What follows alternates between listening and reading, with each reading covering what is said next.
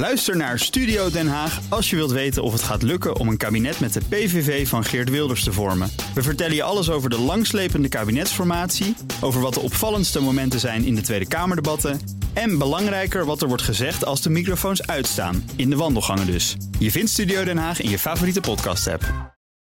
De Friday Move wordt mede mogelijk gemaakt door TUI en Otto Workforce. Our people make the difference. Altijd en overal de laatste aflevering van je favoriete podcast. Download de gratis BNR-app.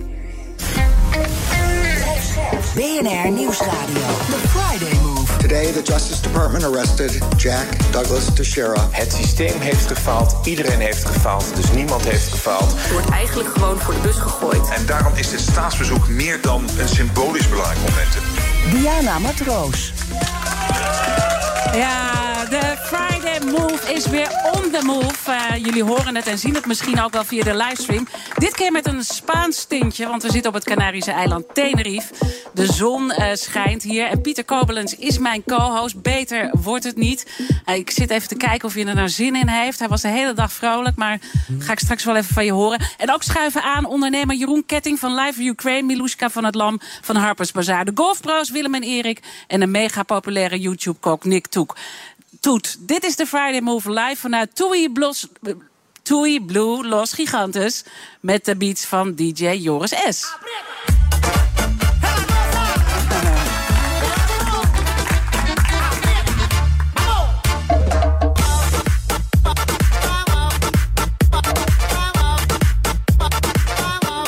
Ja, zal ik het nog een keertje doen, Pieter? Wat, wat, uh, wat is het? Toei? Doe jij het even? Nee, ik doe dat niet. Ik ben, ik ben co-host. dus ik, dat zijn dingen die heb ik niet uit mijn hoofd geleerd. Ja, dat is heel makkelijk. Heel makkelijk. Kijk, daar kan je Toei kan je ja. zien. En dan zeg je Toei Blue Los Gigantes.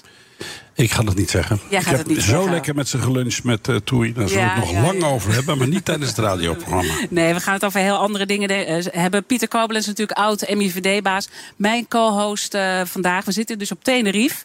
25 graden. Het is hier eeuwig lente, heb ik me laten vertellen. Het is echt heerlijk. Geniet je er een beetje van?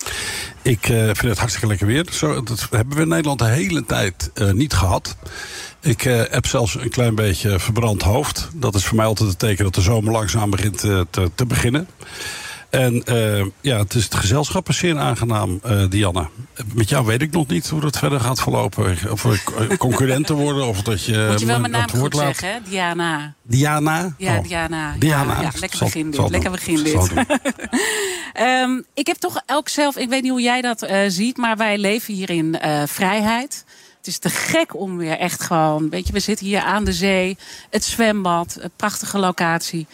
En dan denk je toch ook eh, aan die oorlog in Oekraïne. Het is zo dichtbij eigenlijk. En het, ja, het is gewoon bizar, vind ik zelf. Nou, wat ik al stoer vind, dat hoor ik in Nederland ook steeds vaker, is dat mensen zich dat nu dat in Oekraïne begonnen is, zich pas een beetje beginnen te realiseren. Omdat het eh, dichter bij Nederland is dan waar we nu zitten, Tenerife.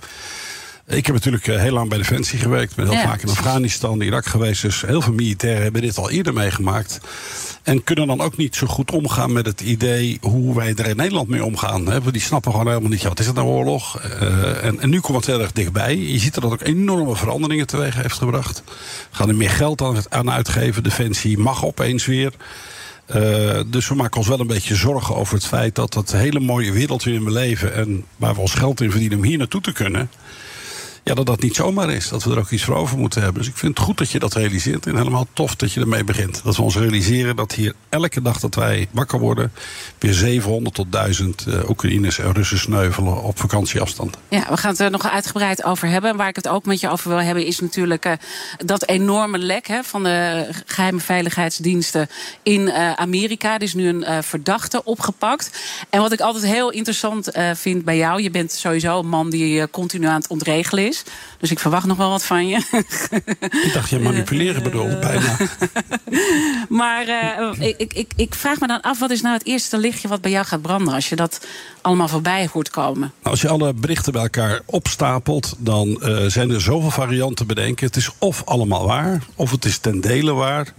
Maar in beide gevallen zullen inlichtingendiensten er alles aan doen om er zoveel mogelijk rook omheen eh, te ontwikkelen. Dus het zou best kunnen dat die meneer er wat mee te maken heeft. Die zal aan de tand worden gevoeld. Maar wat ik heel bijzonder vind, is dat hij met datgene wat hij doet bij zulke geheime eh, documenten zou kunnen. Dat zegt dan wat over de beveiliging van de top-inlichtingendiensten van de Verenigde Staten. Maar het tweede is omdat het totaal verschillende onderwerpen zijn. Inlichtingendiensten werken altijd uh, gesegmenteerd, heet dat. De need to know, de, noodzaak om iets te weten. Ook al je nog zo hoog in rang. Als je er niks mee te maken hebt, dan uh, krijg je de dossiers niet te zien. Er wordt ook nog eens een keer gecontroleerd of je naar op zoek bent. Dus het is heel merkwaardig. Als dit allemaal waar is, is het heel merkwaardig. En dan gaan er ook koppen rollen binnen de Amerikaanse inlichtingendienst. Dat, uh, dat zeg je nu al. Mm -hmm. Uh, het andere maar, is... maar, maar het, wat ik het interessant mm -hmm. vind, is dat je zegt het is merkwaardig. Wat, wat, wat, wat vind je het meest merkwaardige aan het verhaal? Nou ja, dat er opeens uh, gesproken wordt over het feit dat de Amerikanen uh, bezorgd zijn dat Egypte raketten levert aan Rusland. Dat kan ook een proefballon zijn die ze er zelf tussen gezet hebben, tussen gelekte informatie. Dus er zijn ook aantallen gesneuvelden door de Russen en door de Oekraïners genoemd, die beide kanten niet vinden kloppen. En het allerbelangrijkste is natuurlijk de mededeling van de Oekraïne. Die weet als enige wat in ieder geval over hun dossier wel of niet waar is. Maar dat gaan ze natuurlijk ook niet zeggen, want in de oorlogstijd is het belangrijk dat je onvoorspelbaar bent. Dus uh, als je iets lekt, ja, dan is het verstandig om er heel veel rook omheen te gooien om die onvoorspelbaarheid uh, te dienen. Mhm. Mm -hmm. Maar ja, dat vinden de media natuurlijk niks. Die willen tot op de raad uitzoeken wat er precies gebeurd is. En daar zit ook een stukje onveiligheid in. Ja, ja, en wat is Dus dan het misschien- domste wat je voorbij hoort komen? Als je dan. Eh, Nou ja, dat heb ik in het begin uh, meegemaakt toen wij lapens begonnen te leveren aan de Oekraïne. Dat ik, ik vragen kreeg als uh, wanneer worden de tanks waar afgeleverd en hoe laat en hoe zien ze eruit en uh, welke accessoires hebben ze. Ja jongens, kom maar toch, word daar toch eens even wakker. Zo werkt dat gewoon helemaal niet. Dat was wel het allerdomste eigenlijk. ja, ja, maar in deze situatie nu? In de situatie nu, ja, je ziet dat vanaf het moment dat die lekken er zijn geweest, dat er allerlei speculaties plaatsvinden. Nee, het zijn de Russen, het zijn de Amerikanen. Nee, de Amerikanen zijn het niet. De Amerikanen zijn het toch. En dan begint Washington Post, begint, ja, dat is zeker weten. En dan komt die meneer Texera komt boven water. Die werkt bij de Home Guard in Massachusetts. Dat is een soort reservisten-eenheid. En plaatst dan zaken op een, uh, een, een gameforum waar allemaal bijzonder, laten we zeggen, hele bijzondere mensen uh, werken. Waar wij geen uh, bleekselderij mee eten of een wijntje drinken. Ik zat al te wachten wanneer gaat hij komen. Hij is, hij is nu voorbij. Ja, hij is nu voorbij. En voor de mensen die het niet begrijpen, ik zit. Houden zo. Nee, nee, nee, nee, nee. Want nu zit iedereen. Wat bedoelt hij met die bleekselderij? Ik ben continu uh, heel gezond aan het eten. We krijgen trouwens ook een, een uh, topkok uh, hier zo meteen in huis. Nick Toet. Hè? Dus die gaat, die gaat ook het een en ander vertellen over eten. Maar jij bent zeer gefascineerd over al mijn groentjes die voorbij komen. Ja, ik vind groentjes altijd. Groen is toch goed? Ja, ik vind het Ja. goed. Ja, maar ik merkte dat jij er toch wel heel erg mee bezig was. En je loopt de hele dag met die dingen te zwaaien. Dus daar kun je niet omheen kijken. Die komkommers van anderhalve Ja. meter en die grote breekselderij dingen en wortels. Het maakt ook een hoop herrie in de bus. Ja, vond je het uh, irritant? Nou, ja, maar ben je zelf een beetje gezond? Ik voel me hartstikke gezond. Ik word blij, eh, ga ik naar bed, ik word blij wakker. Volgens mij gaat het erom, Ja. toch? Ja, zeker, zeker. Want je zegt dat, dat blij wakker worden. Dan hebben we het eigenlijk ook een beetje over dat vrijheidsverhaal, denk ik. Want daar hebben wij ook veel met elkaar eh, eh, over gesproken. Dat besef, dat heb jij denk ik wel elke dag. Met alles wat je Ja. hebt meegemaakt en alle missies die je hebt gedaan. Absoluut. Ik vind echt dat we in het mooiste land ter wereld wonen. En heb dan ook soms moeite met de achterloze kritiek die wij op iedereen en alles hebben. En dat we alles op maat willen hebben. En nu meteen en direct. En eh, dat vind ik wel eens lastig. Ja, want wat, wat voor moment leven we, denk je? Nou ja, ik, ik heb wel eens het idee dat we in de tweede gouden eeuw leven. Dat is niet zo goed afgelopen daarna. Eh, Iedereen wordt dan nog egoïstischer. eh, denkt alleen aan zichzelf. hè. Of nou, eh, dat zie je ook bij de toeslagenaffaire, maar ook in Groningen. Als er al vergoedingen zijn, dan kijkt iemand naar de buurman, die krijgt meer. Dus gaan we daar bezwaar tegen aantekenen. We kunnen jarenlange rechtsprocedures kunnen we aangaan. Daar je toch stapelgek van. Zo komt er niks van de grond en blijven we ja, een beetje kiften en een beetje zagrijnig. We zijn de vijfde economie ter wereld. Kom op Ja. zeg. We zijn te negatief, zeg je. Ja, absoluut. Ja, Ja. dat kan echt beter. Ja. Nou, wij Gaan hebben... wij vandaag gaan we een steentje aan bijdragen dat het iets van Nou wordt, ja, we gaan, nou, we, gaan wel, we gaan ook hele serieuze verhalen natuurlijk eh, bespreken. Maar ik, eh, ja, ik vind positief denken heel belangrijk. Ik ben er enorm ook mee bezig. Dus ik denk dat het heel leuk is om daar een beetje over verder te praten. En over onze vrijheid. Ik kijk er naar uit. Goed. Zometeen praten we verder vanuit Tenerife, eh, waar BNR lekker met Toei is neergestreken.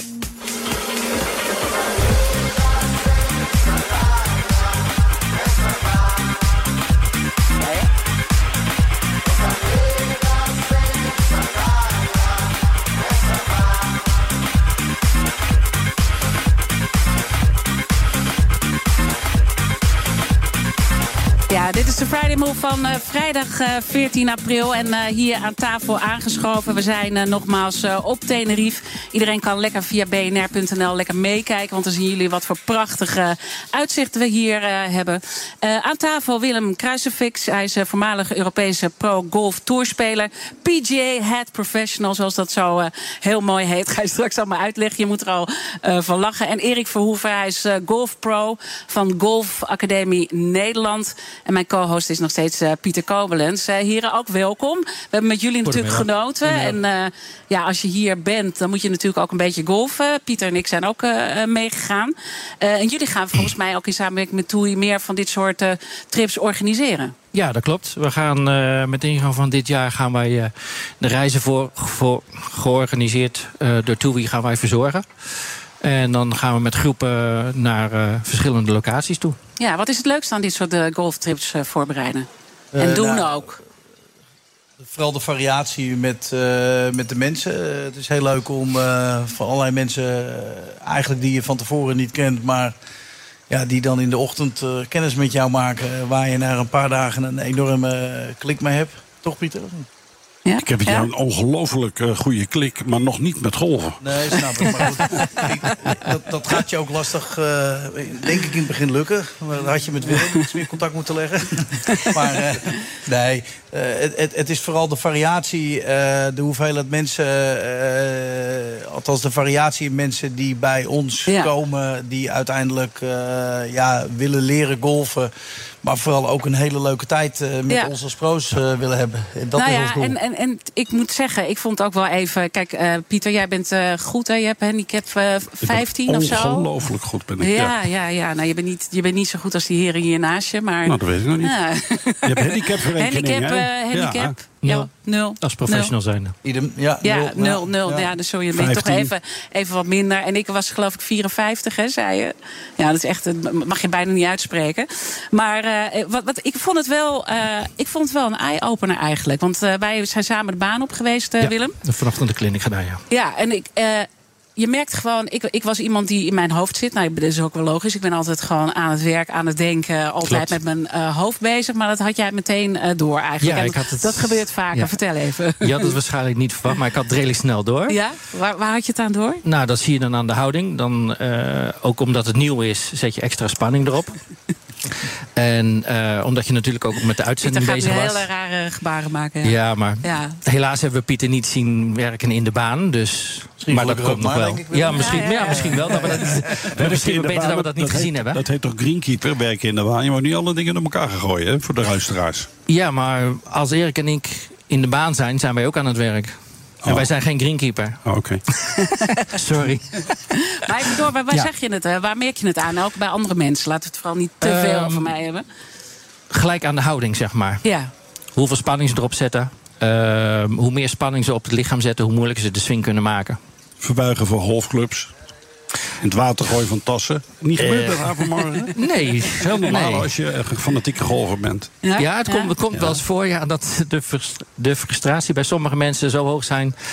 Dat ze de spullen pakken en als er een vijver in de buurt zit. Dan, Ja, dat heb eh, ik niet gedaan. Dat heb ik niet nee, gedaan. nee, maar eh, we, we weten natuurlijk ook dat mentale aspect. Weet je, ik bedoel, ik ben echt een, een beginner. Nogmaals, handicap Ja. 54. Dus ik heb nog een hele weg te gaan. Maar, Maar ik dat is geen schande. Nee, dat is zeker geen schande. En ik denk wel hartstikke leuk om het eh, eh, te doen. Want je kan wel ook een beetje je hoofd eh, leegmaken. Maar als je bijvoorbeeld kijkt naar zo'n Joost eh, Luiten. Dat is natuurlijk eh, de beste golfer die we hebben. En eh, Erik, die heeft natuurlijk ook wel echt mentale problemen gehad. Ja, misschien heeft hij dat wel gehad. Maar ik, ik zie hem de laatste tijd eh, toch op een heel hoog niveau toch wel weer presteren. En ja, ik, eh, misschien eh, dat hij wat meer rust heeft genomen. En ja, misschien heeft hij een mental coach eh, Mhm. in handen genomen, denk ik. Hè? Ja, klopt, klopt. beter. Ja. Dat, eh, en ik moet je eerlijk zeggen dat als ik kijk naar de laatste drie toernooien die hij eh, gespeeld Heeft hij heel goed heeft gespeeld. hij uitstekend gespeeld. En eh, misschien jammer van, volgens mij, de ene laatste keer dat hij speelde, had hij twee bogies in de laatste, ze- of vooral 17, 18. Ja. En dan had hij een hele goede topklassering kunnen behouden. Maar nee, ik zie eh, dat hij daar wel degelijk een, eh, een, een, een zeer grote sprong gemaakt eh, Ja, in het gaat nu gewoon weer goed. Maar En hij is is getrouwd, van, hè? eh, hij is van. Oh, dat helpt Dat altijd. helpt hè? ja. Leuke vrouw. Ja, ja, zeker. Ja, Pieter? Een leuke vrouw helpt altijd. Ja, hè? Eh, dat vroeg je niet aan mij. Ja, toch? Eh, even de vraag. Hè. Met de corona hebben wij gemerkt, de coronatijd, dat eh, het golf opeens eh, spontaan groeide. Dat was een van de weinige sporten die nog mocht. Klopt. En in mijn omgeving merk ik dat het is niet echt veel minder geworden. Merk je dat het iets meer, net als in Amerika, een beetje een volkssport aan het worden is. Wat voor iedereen toegankelijk is. En niet alleen voor mensen die zeggen, nou, ik heb een enorme goede swing en ik ga met de pro. Ga er gezellig kijken of we het nog beter kunnen maken. Ja. Nee, het is, mensen. Ja, het is echt toegankelijker geworden. Vroeger was het een elite sport. Tegenwoordig niet meer. Je kan het zelf zo duur maken als dat je zelf wil. Dus iedereen kan eh, gewoon beginnen met eh, golven. Eén- en met het, één eh, club kan, is genoeg. Ik heb er veertien in mijn tas. Is dat normaal? Of, Ja, ik ben heb je er ook met één- 14 in mijn tas Je zitten. hebt Dus. met één begonnen. Ja, ik ben met één stok begonnen, maar ik heb er nu toch echt wel 14 in zitten. Maar belangrijk, de geschiedenis. Ik, ik, denk dat vooral het, het laagdrempelig geworden is door eh, één, eh, een lidmaatschap digitaal te hebben. Eh, dan praat je over een 85 euro per kalenderjaar. Eh, dat is sowieso handig voor de meeste mensen. We hebben natuurlijk een, eh, wat je zegt al, Diana, je bent handicap 54 en eh, nou ja, eh, jij hebt je handicap, eh, Willem ook misschien. Maar ergens een andere handicap. En bedankt. Daar heb ik helemaal niks van gemerkt. Maar goed, eh, ik weet Maar wat is je punt? Nou, wat mijn punt is, is gewoon dat het eh, laagdrempelig geworden is financieel voor heel veel mensen. We kunnen een aantal maanden misschien dan niet golven met als resultaat is dat het wat minder pijn in de portemonnee doet. We- Mhm. en, en dus kortom ook eh, op dat gebied toegankelijk. We hebben een handicap van 54, wat vroeger 36 was. Dat is natuurlijk eh, vrij eenvoudig te halen. En ook als je kijkt naar eh, de concurrerende prijzen om je GVB en handicap te halen, is dat ook een. eh, Ja, een je hebt natuurlijk prijs. ook zelf een, eh, een indoor golfcentrum opgezet hè, in Heilo. Maar je hebt er meerdere. De dat is, Golfacademie is van ons. eh, ja. ja. we hebben gewoon een landelijk platform om uiteindelijk onze cursussen te plaatsen. van Breda tot Groningen, even makkelijk gezegd. ja. Is, het niet, is het niet achterlijk dat wij als een van misschien wel het enige land een golfvaardigheids Ja, wel. Ik heb helemaal geen diploma voor voetballen gehad, voor ballet niet. Daar heb ik ook niet op gezeten trouwens. Maar Ja, bij wijze van spreken, een- hoe is dat, hoe is dat Ja. eigenlijk tot stand? Waarom doen we dat eigenlijk? Ja, ik denk dat het inderdaad iets Nederlands is. Dat we overal een pasje voor moeten hebben. Als je naar het buitenland gaat en je hebt je nette kleding aan, je ziet er goed uit. En eh, je kan je creditcard trekken, dan eh, betaal je. Eh, ja, dat is denk ik het buitenland. Eh, in Nederland is het inderdaad, omdat het best wel dicht bevolkt is. Eh, hebben we best wel wat mensen die golven, we, we hockeyen, we tennissen. We doen eigenlijk wel heel veel sporten. Met als resultaat is dat eh, uiteindelijk een, ja, een, eh, een, een digitale pas of een pas op een vaste vereniging. en dus het GVB eh, in, het, in het leven is. Wat ik ook denk dat goed is hoor. Want ik denk dat we natuurlijk heel veel mensen op de golfbaan zien die, die misschien toch wat, wat lesjes mogen gebruiken. Ja, laat ik het ja, zo zeggen. ja, ja. Ik vind wel dat je indringend naar mij kijkt nu, terwijl je mij niet zien Ik vind het heel aardig dat ze niet naar mij kijken. Nee, ik noem geen namen. eh, Goed. Ah, jaloers weer. Oh. Hey, en volgens mij blijven jullie nog eventjes wat langer op eh, Tenerife. Het is eh, misschien nog even goed wat er, eh, wat er mooi is aan eh, Tenerife om hier te golfen. Want die golfbaan was natuurlijk waanzinnig waar we vandaag waren. Ja, dat is gewoon eh, een van de topbanen van Spanje. Dus als je dan hier eh, eh, dat eh, mag spelen, ja, dat is gewoon super natuurlijk. Ja, ja. en jij gaat ook eh, echt die grote wedstrijden weer eh, spelen. hè? Ik eh, probeer weer echt bij de grote wedstrijden te komen, alleen dat is dan de senior tour. Dus dat is nog weer een stap hoger. Dus dat is meer uitdagingen en ja, hard werken. Ja, en hard werken ben je dan ook mentaal? Want daar hadden we het natuurlijk even over, hè, waar ik even mee geconfronteerd. En eh Luiten, die is er gelu- gelukkig vanaf Ja, na heel die, veel coaching. ja. Maar heb je zelf wel eens dat je dan denkt van, oh shit. Ik heb ook af en toe wel eens van dit eh, soort momenten dat je denkt van... Hm, oké, wat ben je aan het doen? Ja, ja. Gisteren we wel. gezien, dat doet Erik met jou. Hè? Die doet, is jouw psychologische trainer. Zag ik gisteren aan tafel. Eh, dat? Ja, op een ander psychologisch vak dan. Niet op golfgebied. Oh, oké. Jullie zijn een mooi duo. En wat nog leuk is om te melden... als eh, eh, iemand denkt, nou, dit lijkt me helemaal eh, te gek. Je bent luisteraar van ons en eh, je bent golfliefhebber. Dan kan je hier ook naartoe met Toei. Want ik zei al eventjes, jullie gaan samen eh, dit soort reizen eh, organiseren. Volg Toei en BNR op Instagram. En maak dan een screenshot van de BNR-app. En stuur die op naar de BNR Instagram. En wie weet dat ze dan ook hier eh, zitten, net zoals wij, in dat heerlijke zonnetje vanuit eh, Tenerife. Eh, zometeen gaan we verder praten, Pieter, mijn co-host nog steeds, met ondernemer Jeroen Ketting, die al zijn opgebouwde vermogen en bedrijven in Rusland achterliet om Oekraïners in nood te helpen. Dus blijf zeker luisteren, want het is een indrukwekkend verhaal. Ook Thomas van Zeil vind je in de BNR-app. Je kunt live naar mij luisteren in Zaken doen. De BNR-app met breaking news. Het laatste zakelijke nieuws. En je vindt er alle BNR-podcasts. Bijvoorbeeld Het Nieuwe Geld. Download nu de gratis BNR-app en blijf scherp.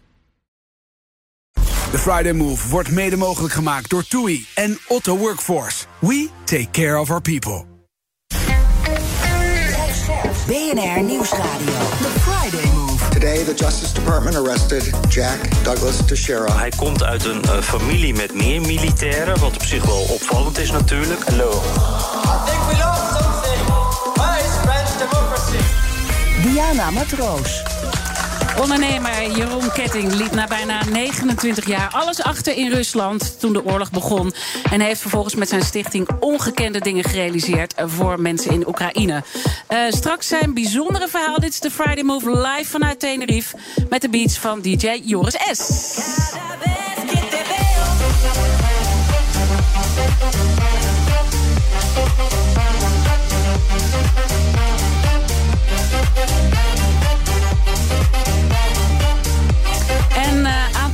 dus uh, ondernemer Jeroen Ketting... die ongekende hulp heeft geleverd met zijn stichting Live Ukraine. Uh, Jeroen, fijn ook dat je er bent. En Pieter, mijn, co Pieter Kobelens, mijn co-host, is er natuurlijk ook nog steeds.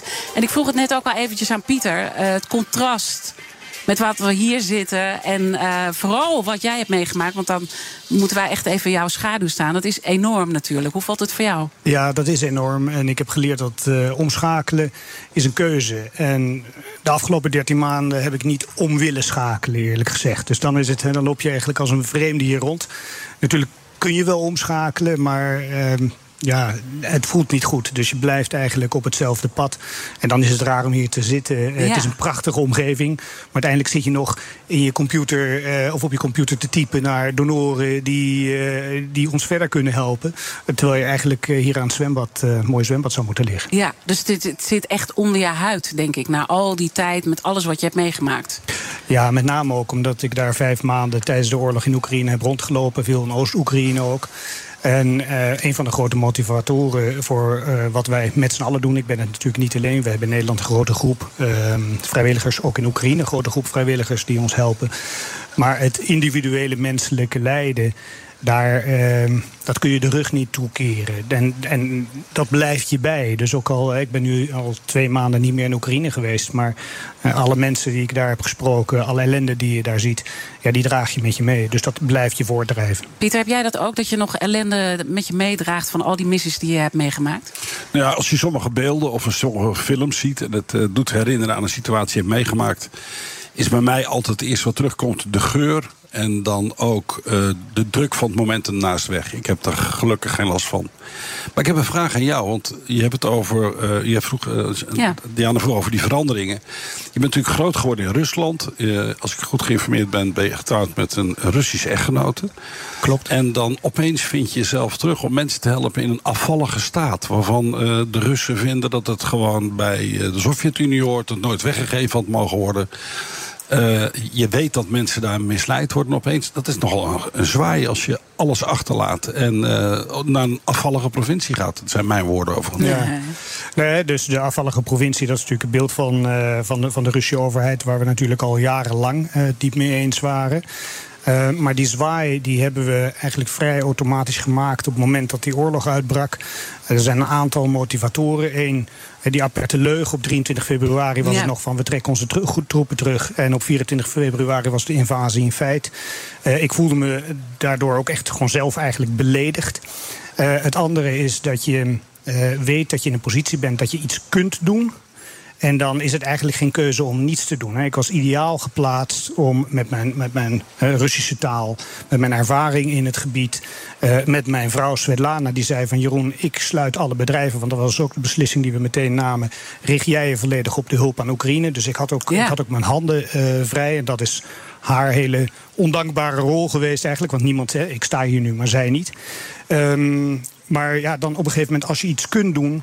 Um, en als je een verschil kunt maken, dan is het bijna schofterig als je, als je niks doet. Ja, maar toch, een heleboel mensen doen dat uh, niet. En uh, het feit dat, dat jij dat dus wel doet, dat jullie dat hebben gedaan. Dat, dat, dat, ja, dat zegt iets, uh, daar zit iets achter. Wat, wat zit daarachter? Nou ja, ik denk dat als ik nu terugdenk. Veel mensen zijn bang om iets op te geven. Ja. Veel mensen zijn bang om zich volledig ergens op toe te, liggen, uh, toe te leggen. Daar heb je een bepaalde moed voor nodig. Ik heb altijd gekeken naar bijvoorbeeld topsporters... die vier jaar bezig zijn alles in de waagschaal stellen... om tijdens de Olympische Spelen een medaille te halen. En heb je een buikgriepje de avond van tevoren, dan heb je het niet. Daar heb je enorme moed voor nodig. Um, dat kwam bij ons vanzelf. Tegelijkertijd merk je dat als je alles opgeeft en eigenlijk niks meer hebt, dan verandert niet zo heel veel. Je doet, uh, het enige wat verandert is dat je heel veel voor andere mensen kunt betekenen.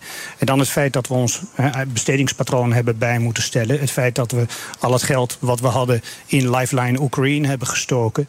Uh, ja, dat, dat, dat telt dan eigenlijk niet meer mee. Hè. Je hebt niet zo heel veel nodig.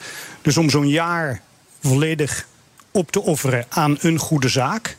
Um, ja, dat zou ik eigenlijk iedereen aanraden. En ik ben van de generatie, de, de, de dienstplicht was afgeschaft. Een jaar uh, voordat ik de dienst uh, in moest. Maar ik zou eigenlijk in Nederland zeggen van je moet een soort hè, of militaire of maatschappelijke dienstplicht hebben uh, voor iedereen. Want zo'n jaar leert je ook heel veel. Ja, en misschien toch nog goed voor de mensen die denken, oh, misschien heb ik ergens het verhaal van Jeroen wel gezien. Hè, want er staan ook prachtige interviews van jou mm -hmm. in het FD. Maar je bent dus eigenlijk met jouw vrouw heb je gezegd, we laten alle bedrijven laten we je achter. Jullie ja. waren altijd betrokken bij handelsmissies, ja. hielpen allerlei bedrijven met contacten in Rusland. En 29 jaar uh, zaten jullie daar, succesvol bedrijf. En gewoon zeggen: we stoppen, we laten alles achter en we gaan echt uh, Oekraïne helpen. En nou, ik weet, hoeveel mensen heb je geholpen en hoeveel geld is er in om, nou ja, omgegaan uiteindelijk? We hebben in totaal zo'n 6,5 miljoen euro aan hulp uh, kunnen leveren. Dat zijn zo'n nu 65 vrachtwagens met humanitaire hulp. We helpen veteranen om ze om te scholen tot software-testers. we helpen vrouwelijke en familiebedrijfjes om door de oorlog heen te komen. Dus de impact van wat we hebben gedaan en nog steeds doen met die grote groep Nederlanders die ons nu helpen, is, is enorm geweest. Wat ik zo bijzonder vind, ik, ik, zou, ik denk dat ik ook wel namens, mijn, namens de echte host spreek, om jullie een gigantisch compliment te geven. Want je kunt nooit meer terug. En want dat vertelde je gisteren, je hebt de Russische echtgenote. Maar die heeft ook familie. En uh, het is nogal wat als je je deur dichtslaat achter je hele achtergrond, je zakelijk succes. En misschien ook wel een stuk van je familie. Ik vind dat ongelooflijk. Dus groot compliment, maar hoe ga je daarmee om? Nou ja, dat is, het is een beetje ook een. Dankjewel voor het compliment. Uh, het is een beetje een vlucht naar voren. Uh, dus uh, je moet continu je op het volgende doel richten. Kijk, voor Svetlana is dat.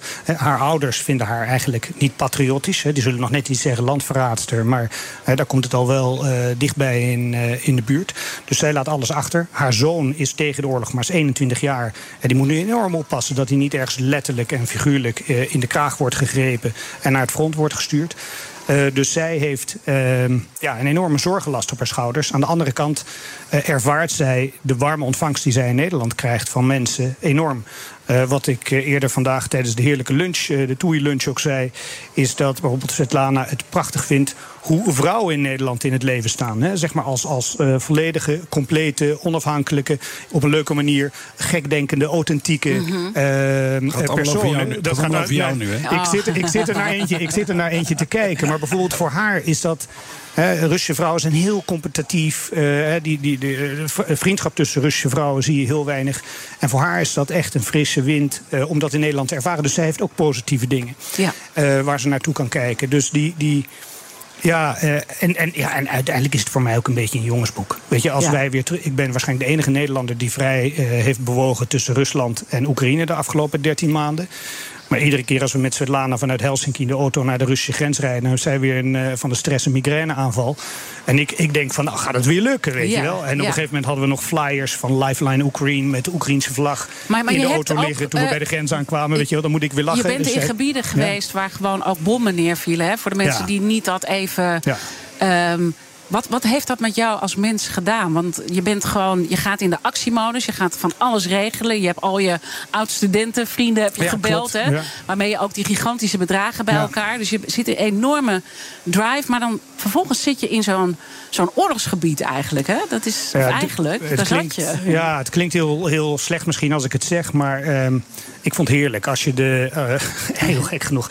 Als je die explosies om je heen af hoort gaan. En, dan, hè, en, en de Oekraïners weten dan meteen van: oké, dit is een eh, multiple rocket launch system. Of dit is, een, eh, dit is een kruisraket. Of dit is een mijn. Of dit is dit. Zij weten, maar voor jou is het gewoon een. Boem, boem, boem. En, en ik, je krijgt een hyperfocus. Dus dat vind ik, ja, dat vond ik geen enkel, geen enkel probleem. Ik noem het een beetje Disneyland eh, voor gevorderden of voor volwassenen. Ehm, wat ik nog steeds meedraag, dat zijn die luchtalarmen. Waar ik eigenlijk toen ik in Oekraïne zat, had ik er geen last van. Maar als ik nu een toon hoor van dan, dan, dan uh, voel ik meteen dat die adrenaline een beetje opkomt. Dus het, hele, het enige wat, wat, wat ik nog steeds hier heb, is als je zo'n toon uh, hoort, of als je bijvoorbeeld een auto op hoort trekken met een hoge, uh, hoe noem je dat, revs, hè, met een hoog toerental, ergens in de straat, dan hoor je zo'n zo'n omhooggaande hoge toon. En dan, dan, dan word je weer even alert. Maar ben je ergens nog aan het verwerken? Want je bent net eigenlijk daaruit. Hè? Dus dat, dat, dat lijkt me. Ik weet niet hoe jij dat eh, eh, deed, Pieter. Jij zat natuurlijk als professional, eh, als militair zat je in dit soort eh, missies. Maar dit is natuurlijk ook bekend dat je ook wel. Ja, het is ook traumatisch, zo'n ervaring. Ja, het- ik heb de indruk dat je bent daar wel of niet gevoelig voor, daar kun je niks aan doen. Dus als je er tegen kan, is het geen verdienste. Dat is nou eenmaal zo. Maar het blijft altijd gek als je s s'morgens achter je bureau zit. En dan, in mijn geval, het was toen directeur operatie... dan met je auto met chauffeur naar het vliegveld rijdt... een glaasje witte wijn drinkt... daarna je camouflageplak laag over de eh, Irak heen vliegt... dan je mariniers op gaat zoeken en met patrouilles meegaat... eh, waar, waar dus nare dingen gebeuren... Eh, je naar het hospitaal gaat waar Amerikanen binnen werden gebracht... eh, met, eh, met on- ontbrekende ledematen en dat soort dingen. En s'avonds zit je weer thuis eh, Ja, gezellig aan tafel. Was op school?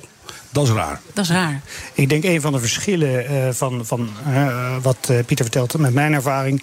is dat ik ben veel meer geweest met de 36e Marinebrigade. Nou, die vecht met name nu bij Avdiivka. Dat is Avdiivka is naast Bakhmut een van de, van de hotspots van het, van het front.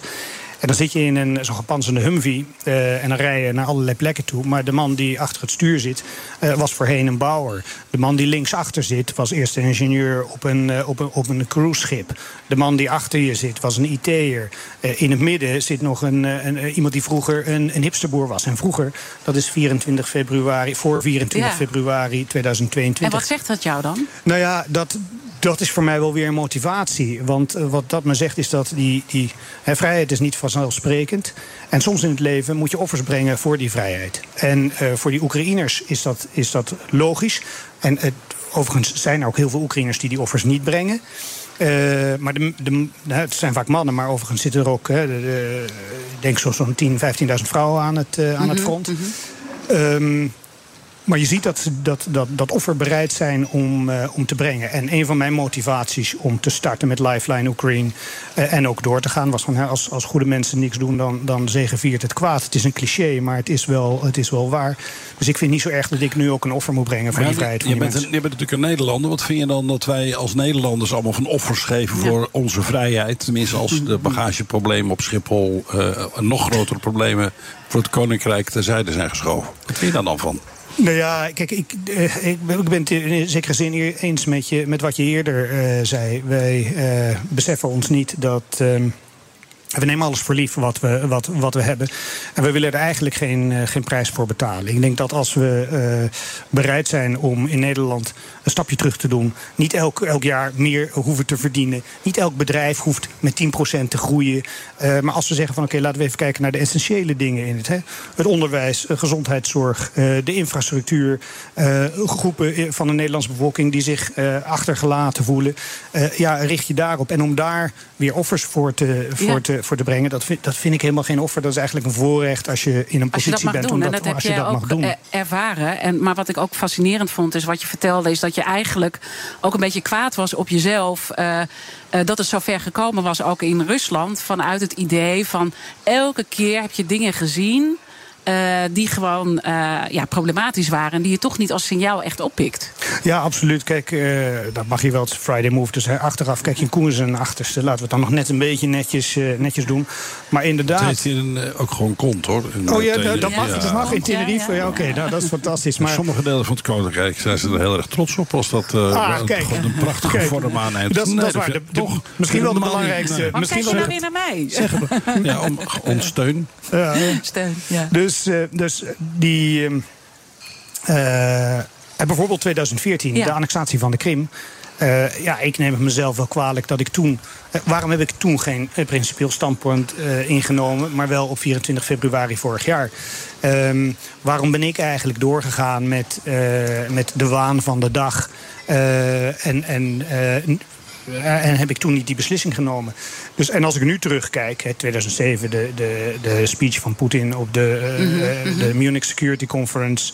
Um, de, de, eigenlijk twintig jaar toenemende uh, propaganda in, uh, in Rusland. Um, hè, wat, wat ik in Nederland nu soms zie, is dat bepaalde politieke partijen die staan zichzelf toe om bepaalde uitingen te doen. Tribunalen, ga zo maar door. Nou, dat soort dingen die krijg ik af en toe mee vanuit nou, die zijn vanuit op de achtergrond geraakt. Uh, nou, gelu gelukkig. maar um, wat ik heb gezien, we moeten heel erg voorzichtig zijn met, met wat we ons toestaan te uiten. Iedereen moet kunnen zeggen uh, wat hij wil zeggen. Maar uh, het is niet zo erg als daar een beetje nuance in zit. Als daar uh, een filter overheen gaat. En daar, als daar een beetje self-restraint, een beetje zelfcontrole. Mm -hmm. dan, dan kun je maatschappij opbouwen. De paus heeft daar ooit iets moois over gezegd. Die zei, vrijheid van meningsuiting is een groot goed. Maar je hoeft er niet altijd gebruik van te ja, maken. Absoluut. Absoluut. En dus om terug te kijken naar al die... Die I've seen all the dots, but I didn't connect them.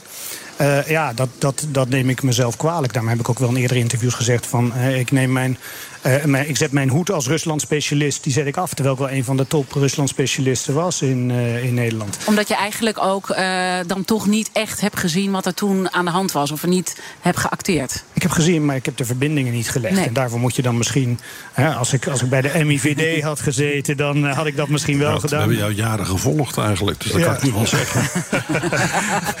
Nee, dat, jij samen met... eh, geen, we, konden de, we konden de puntjes in elkaar verbinden. Nee, we konden er chocola van maken. Nee, je had wel heel erg welkom geweest. Maar het is, je, met alle mooie dingen die je doet... je blijft natuurlijk ook maar een mens. Hè? Dus Ja, je doet ook absoluut. dingen niet goed. En je krijgt ook niet Ja. altijd informatie. Het zou heel fantastisch zijn als jij het altijd goed had. Dan eh, kreeg je het heel druk eh, Ja. bij Ja, mijn nou, oude dienst. Zeker Svetlana weet dat ik het niet altijd goed heb. Dus, eh, dus wat dat Ja, betreft, want wat is het moeilijkste voor jou? eh, het moeilijkste nu bedoel je? Of- Ja, nu of, of geweest? Of... Het, het moeilijkste, het gek is het 29 jaar. Misschien, eh, jij bent in 2011 afgezwaaid, geloof ik, Pieter. Ja. De, eh, wat ik niet had verwacht is dat 29 jaar Rusland, dat was mijn, eigenlijk mijn identiteit. Ja. Daarna nog, hè, dus ik, eh, daarna nog een keer eh 13 maanden Oekraïne.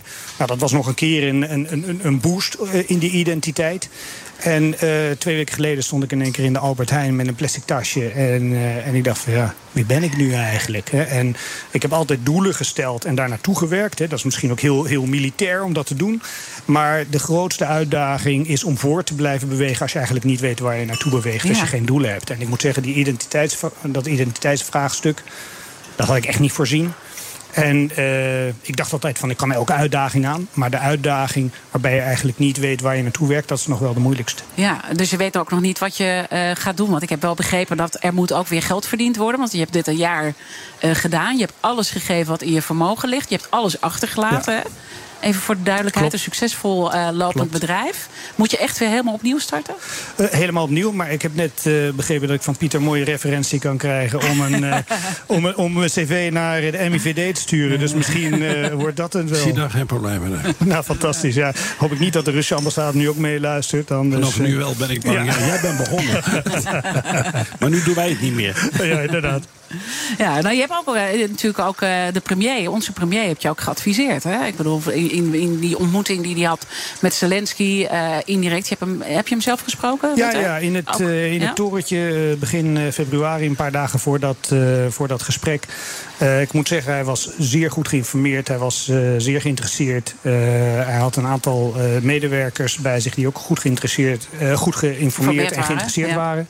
Ik was, ja, ik was best. eh, ik, ben, ik ben niet politiek, maar ik was best onder de indruk van dat, eh, van dat gesprek. En, en zijn, zeggen, zijn historisch kennis natuurlijk als, eh, als historicus, maar zijn historische kennis en, en de boeken die hij ook recentelijk nog heeft gelezen, denk ik van hoe heeft die man daar tijd voor überhaupt? Ja, dat we En, ons eh, allemaal af. Hè? dus, dat, dus ik, vond dat, ik, vond dat wel, eh, ik vond het wel mooi. En het feit dat hij dus ook gewoon iemand uit het veld plukt.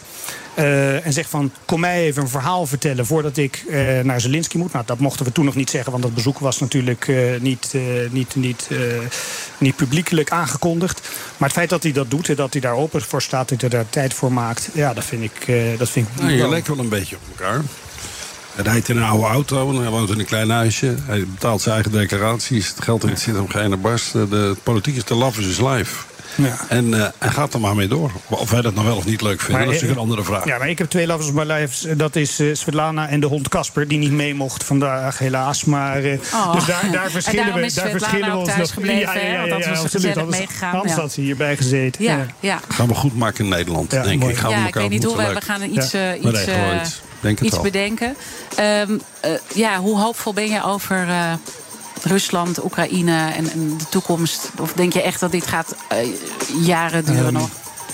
Rust, zolang als wij leven. Uh, en dat is uh, voor jou, Diana, een stuk langer dan, uh, dan voor de heren hier in het, uh, in het gezelschap. Voor mij is het een beetje vervelende Eh, informatie maar- opeens. Maar, ja, ja, ja. en ik ben opeens... Maar eh, ik groei, Rusland, eh. Rusland heeft geen toekomst. Eh, eh, Oekraïne aan de andere kant. Oekraïne staat op, een, stond- staat op een kantelpunt. En ik ben helemaal geen fan van Oekraïne. Er is heel veel fout met het land. Je bent ook Maar kritisch over Zelensky? Absoluut. Ja. Maar we hebben wel een verantwoordelijkheid om Oekraïne te helpen... de goede kant eh, van dat kantelpunt op te, eh, op te bewegen. En, en dat is wat onze verantwoordelijkheid als Nederland is. Je hoeft het land niet leuk te vinden. Je hoeft het niet eens te zijn. En je mag best kritisch zijn. Maar eh, wij moeten duwen aan, trekken aan dat land eigenlijk naar het westen... Om het, eh, om het te helpen, want het land heeft wel een kans. En, en, en het verdient die kans ook. Zeker gezien de offers die nu gegeven worden in het land. En eh, ik sluit me helemaal aan bij jou, Pieter, met die complimenten. Want ik merk dat ik echt wel met je bezig ben. Nou, de voorbereiding natuurlijk hier naartoe. Maar we hebben uitgebreid gesproken. En ja, het zit ook onder mijn huid. Wat je doet en waar je ons op wijst. En dat we ook eh, ja, heel eh, eh, goed met onze eigen vrijheid moeten omgaan. Dat is eigenlijk ook het verhaal wat eronder zit. Absoluut. Pieter? Dankjewel. Ja, en heeft zijn naam ook mee. Ik bedoel, eh, het is wel knap dat jouw vrouw jou aan de ketting heeft weten te leggen. Nee, Ja, ja, ja, ja. Dat ga ik ook aan de vragen. Daar heeft ze tien jaar over gedaan, maar het is er wel gelukt En de hond wil ik ook zien. Ja, ja absoluut. Die is, Kwaliteiten qua, absoluut. Dat zien doen. waard. Super je te ontmoeten hier. Dank jullie wel. Zeker, zeker. Zometeen natuurlijk eh, het tweede deel van de Friday Move. Eh, we zijn nog steeds op Tenerife. Blijf bij ons. Ook Hugo Reitsma vind je in de BNR-app. Superhandig die BNR-app. Je kunt alle programma's live luisteren, breaking nieuwsmeldingen. Je blijft op de hoogte van het laatste zakelijke nieuws. En je vindt er alle BNR-podcasts, waaronder natuurlijk de belangrijkste, Boeken zijn in de wijk. Download nu de gratis BNR-app en blijf scherp. De Friday Move wordt mede mogelijk gemaakt door Otto Workforce en TUI. Live happy. Altijd en overal op de hoogte blijven. Download de gratis BNR-app. BNR Nieuwsradio. Today, the Justice Department arrested Jack Douglas Teixeira. Het systeem heeft gefaald, iedereen heeft gefaald, dus niemand heeft gefaald. Er wordt eigenlijk gewoon voor de bus gegooid. En daarom is dit staatsbezoek meer dan een symbolisch belangrijk moment. Diana Matroos. Ja, wij zitten hier nog steeds lekker op eh, Tenerife. En nog steeds mijn eh, co-host Pieter Kobelens, de oud-MIVD-baas. En dit is dus de Friday Move en de beats zijn van DJ Joris S.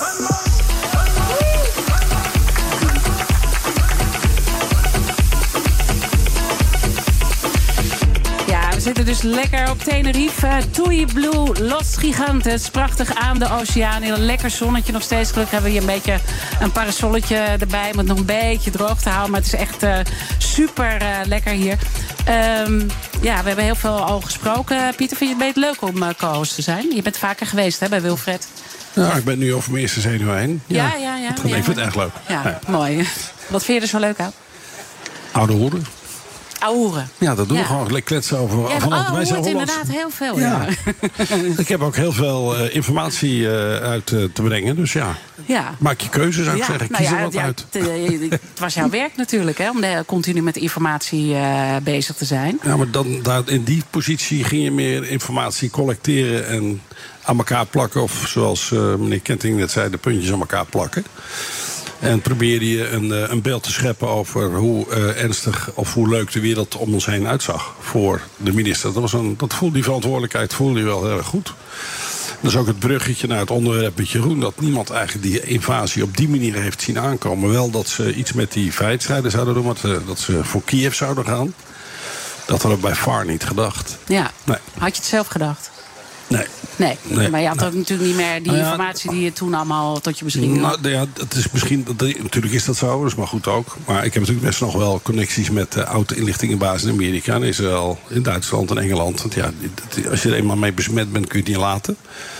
En wat ik wel uh, mee had gekregen is dat Microsoft twee dagen voordat de inval plaatsvond, de hele uh, Oekraïnse economie heeft gekopieerd en in een cloud buiten de Oekraïne heeft gezet. Wat natuurlijk razend knap is. En wat we natuurlijk een ontzettend goede daad vinden. Maar ja, het zet hier natuurlijk ook gelijk aan het denken over. Als dat voor dit soort ernstige zaken ten goede van ons kan gebeuren.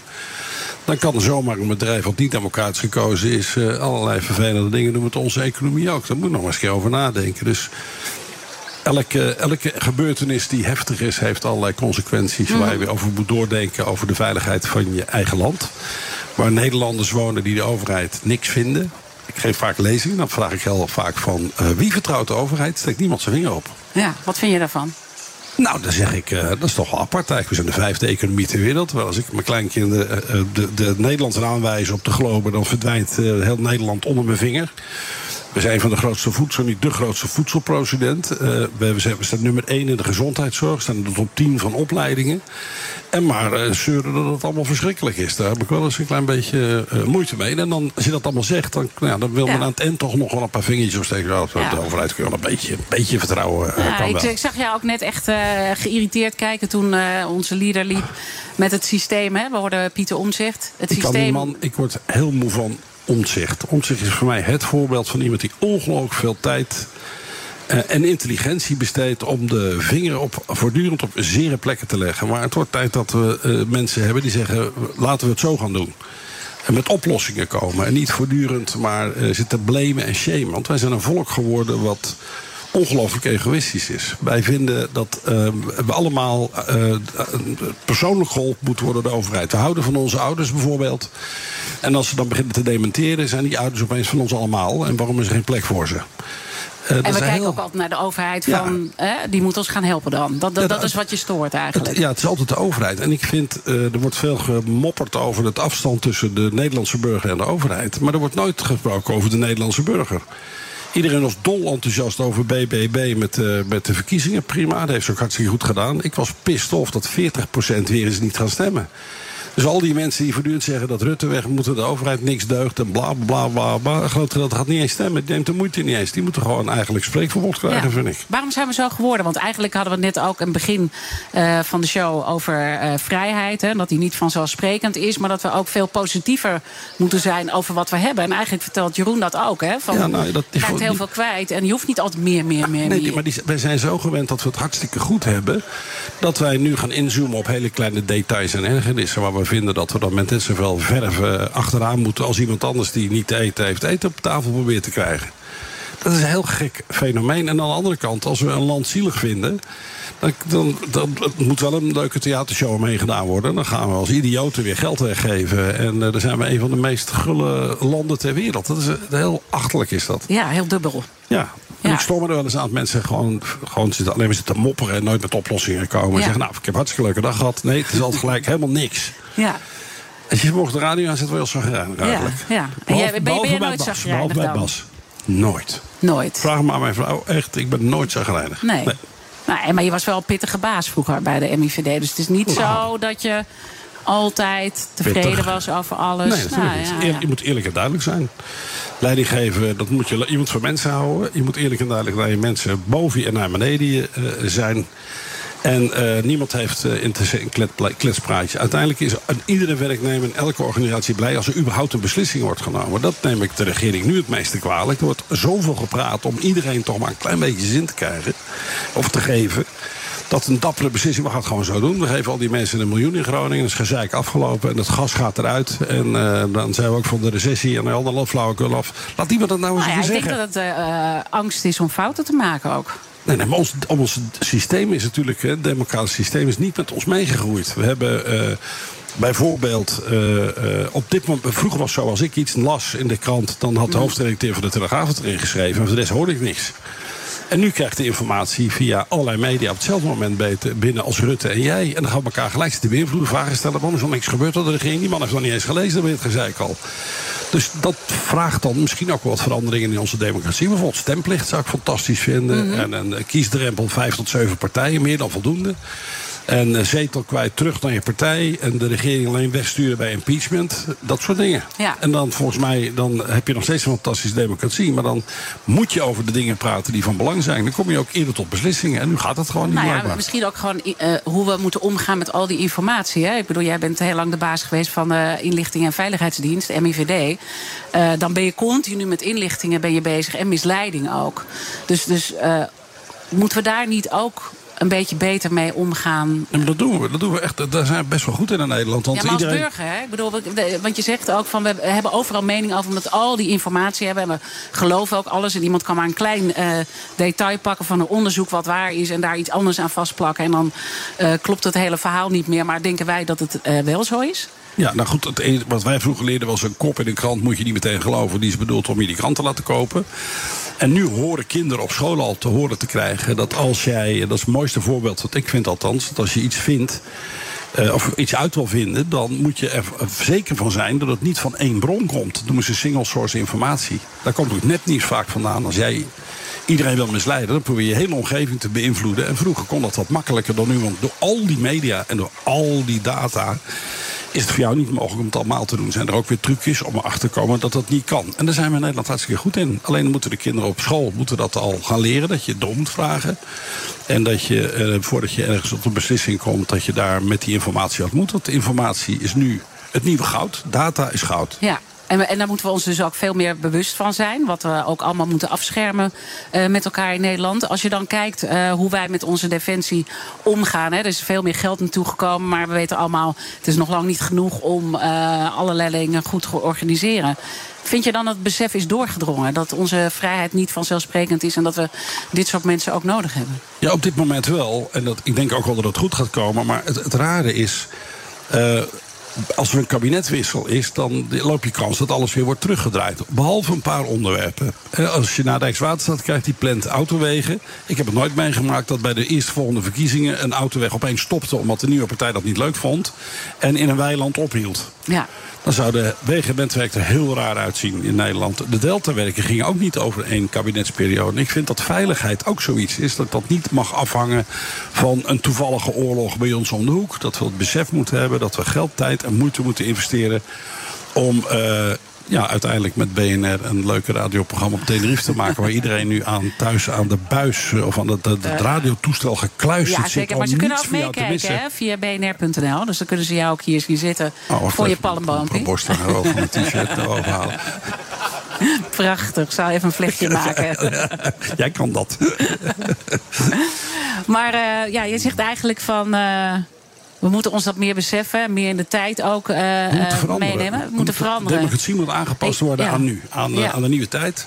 Het kan echt niet meer zo zijn dat we, dat we twintig partijen in de Tweede Kamer hebben... die iedereen naar moet zitten luisteren met alle beste bedoelingen... met één one-issue partijen. Ja. En wat heel spannend wordt, is natuurlijk wat BBB nu gaat doen met Provinciale Staten. Ik ben hartstikke benieuwd naar de plannen die komen gaan nadat ze met... de eurocommissaris uit Nederland hebben gesproken. Dat moet nu een fantastische plannen moeten dat gaan worden. Ik ben echt benieuwd. En Ja. Voor het eerst iemand die een kendoor is, die het nu gaat laten zien, denk ik. Ja. Heb jij je, dat ook? eh, ik ben heel erg benieuwd. Eh, ik ben, want ik eh, zie inderdaad ook nou ja, heel veel eh, ideeën voorbij komen, maar geen concrete plannen. Dus we moeten maar een beetje afwachten hoe het is. Ben jij al een beetje toe aan een wijntje? Ja, ik, ik zou wel eens een keer een lokaal wijntje willen drinken. Zou je dat hier hebben? wijntje? Ja, je dat, ik, heb je ik daar weet misschien niet. eh, misschien eh, ja, misschien, eh, misschien eh, hebben ze dat eh, hier. Ehm, Friday Move van 14 april. Nog steeds eh, Tenerife, eh, waar we zitten. En eh, zometeen gaan we het gewoon lekker over wijn hebben. Tot zo. Een beetje droog mond te krijgen. Ja,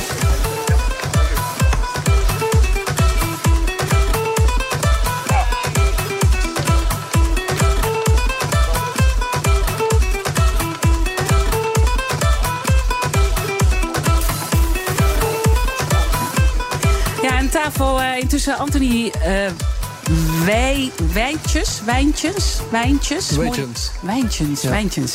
Kl- Het past wel een beetje bij de wijn. Dat is een heel flauwe grap natuurlijk. Maar eh, je bent verantwoordelijk voor de sales en rentals afdeling van Los Machines Group op Tenerife. Ja. Dat is een familiebedrijf, vastgoed imperium, dat vakantiewoningen verkoopt hier op Tenerife. En het is allemaal met jouw vader eigenlijk begonnen. Ja, eigenlijk met mijn grootmoeder. Zij Met je grootmoeder ja, zelfs? Dat is de derde generatie momenteel. Zij is in 76 hier in Tenerife komen wonen. En dan zijn wij als familie in 88 uh, naar hier gekomen. Ja. Dus ik was drie jaar oud, dus bijna heel mijn leven al, al hier in Tenerife. Ja, je had geen keuze eigenlijk, hè? Het moest, had, moest hier gebeuren. Keuze, ja, ja. Wat we, hoe is het om op Tenerife te wonen? Ja, het is heel mooi. Um, ik ben zelf met studies en, en werken 14 jaar weg geweest. En uh, als ik terug ben gekomen, dan heb ik echt pas uh, gezien het, uh, de kwaliteit van leven hier in Tenerife en hoe mooi het is. als, als kind besef je dat niet echt en, en, nu wel. Ja, wat is het mooiste hier op Tenerife? Waarvan je zegt, nee, ik voel me hier echt helemaal thuis. Ik vind het zicht van de, de tijden, de vulkaan, altijd heel indrukwekkend. maar vooral het, het, het, weer natuurlijk, gewoon 12 ja. maanden zon.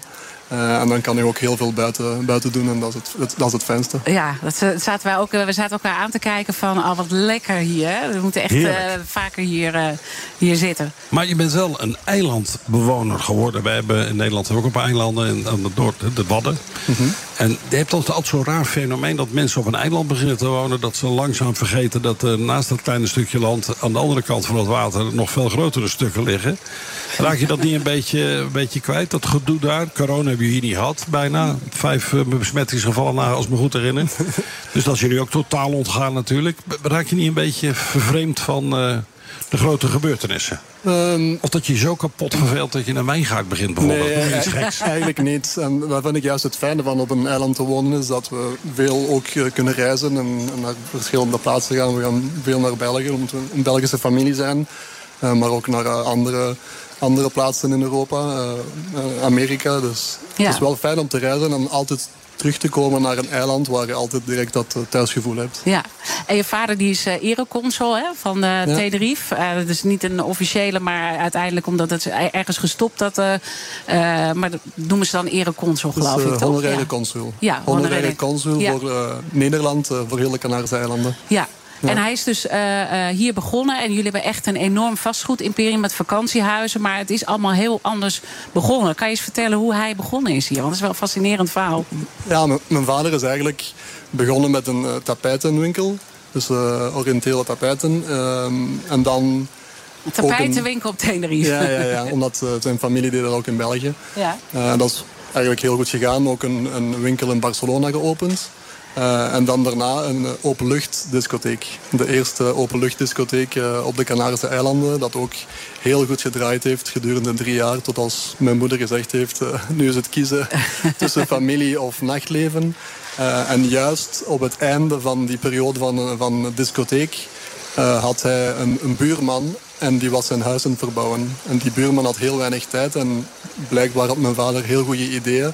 Dus die zei van, ja, weet je wat, doet jij maar hoe jij wilt. Ja. Uh, en dat is ook heel goed meegevallen. En dan hebben mensen die stijl een beetje gezien. En zo is dat begonnen met uh, verbouwingen van privévilla's. En dan 2003 ongeveer zijn we begonnen met, uh, met de grotere nieuwbouwprojecten. allemaal momenteel in, in Palmar.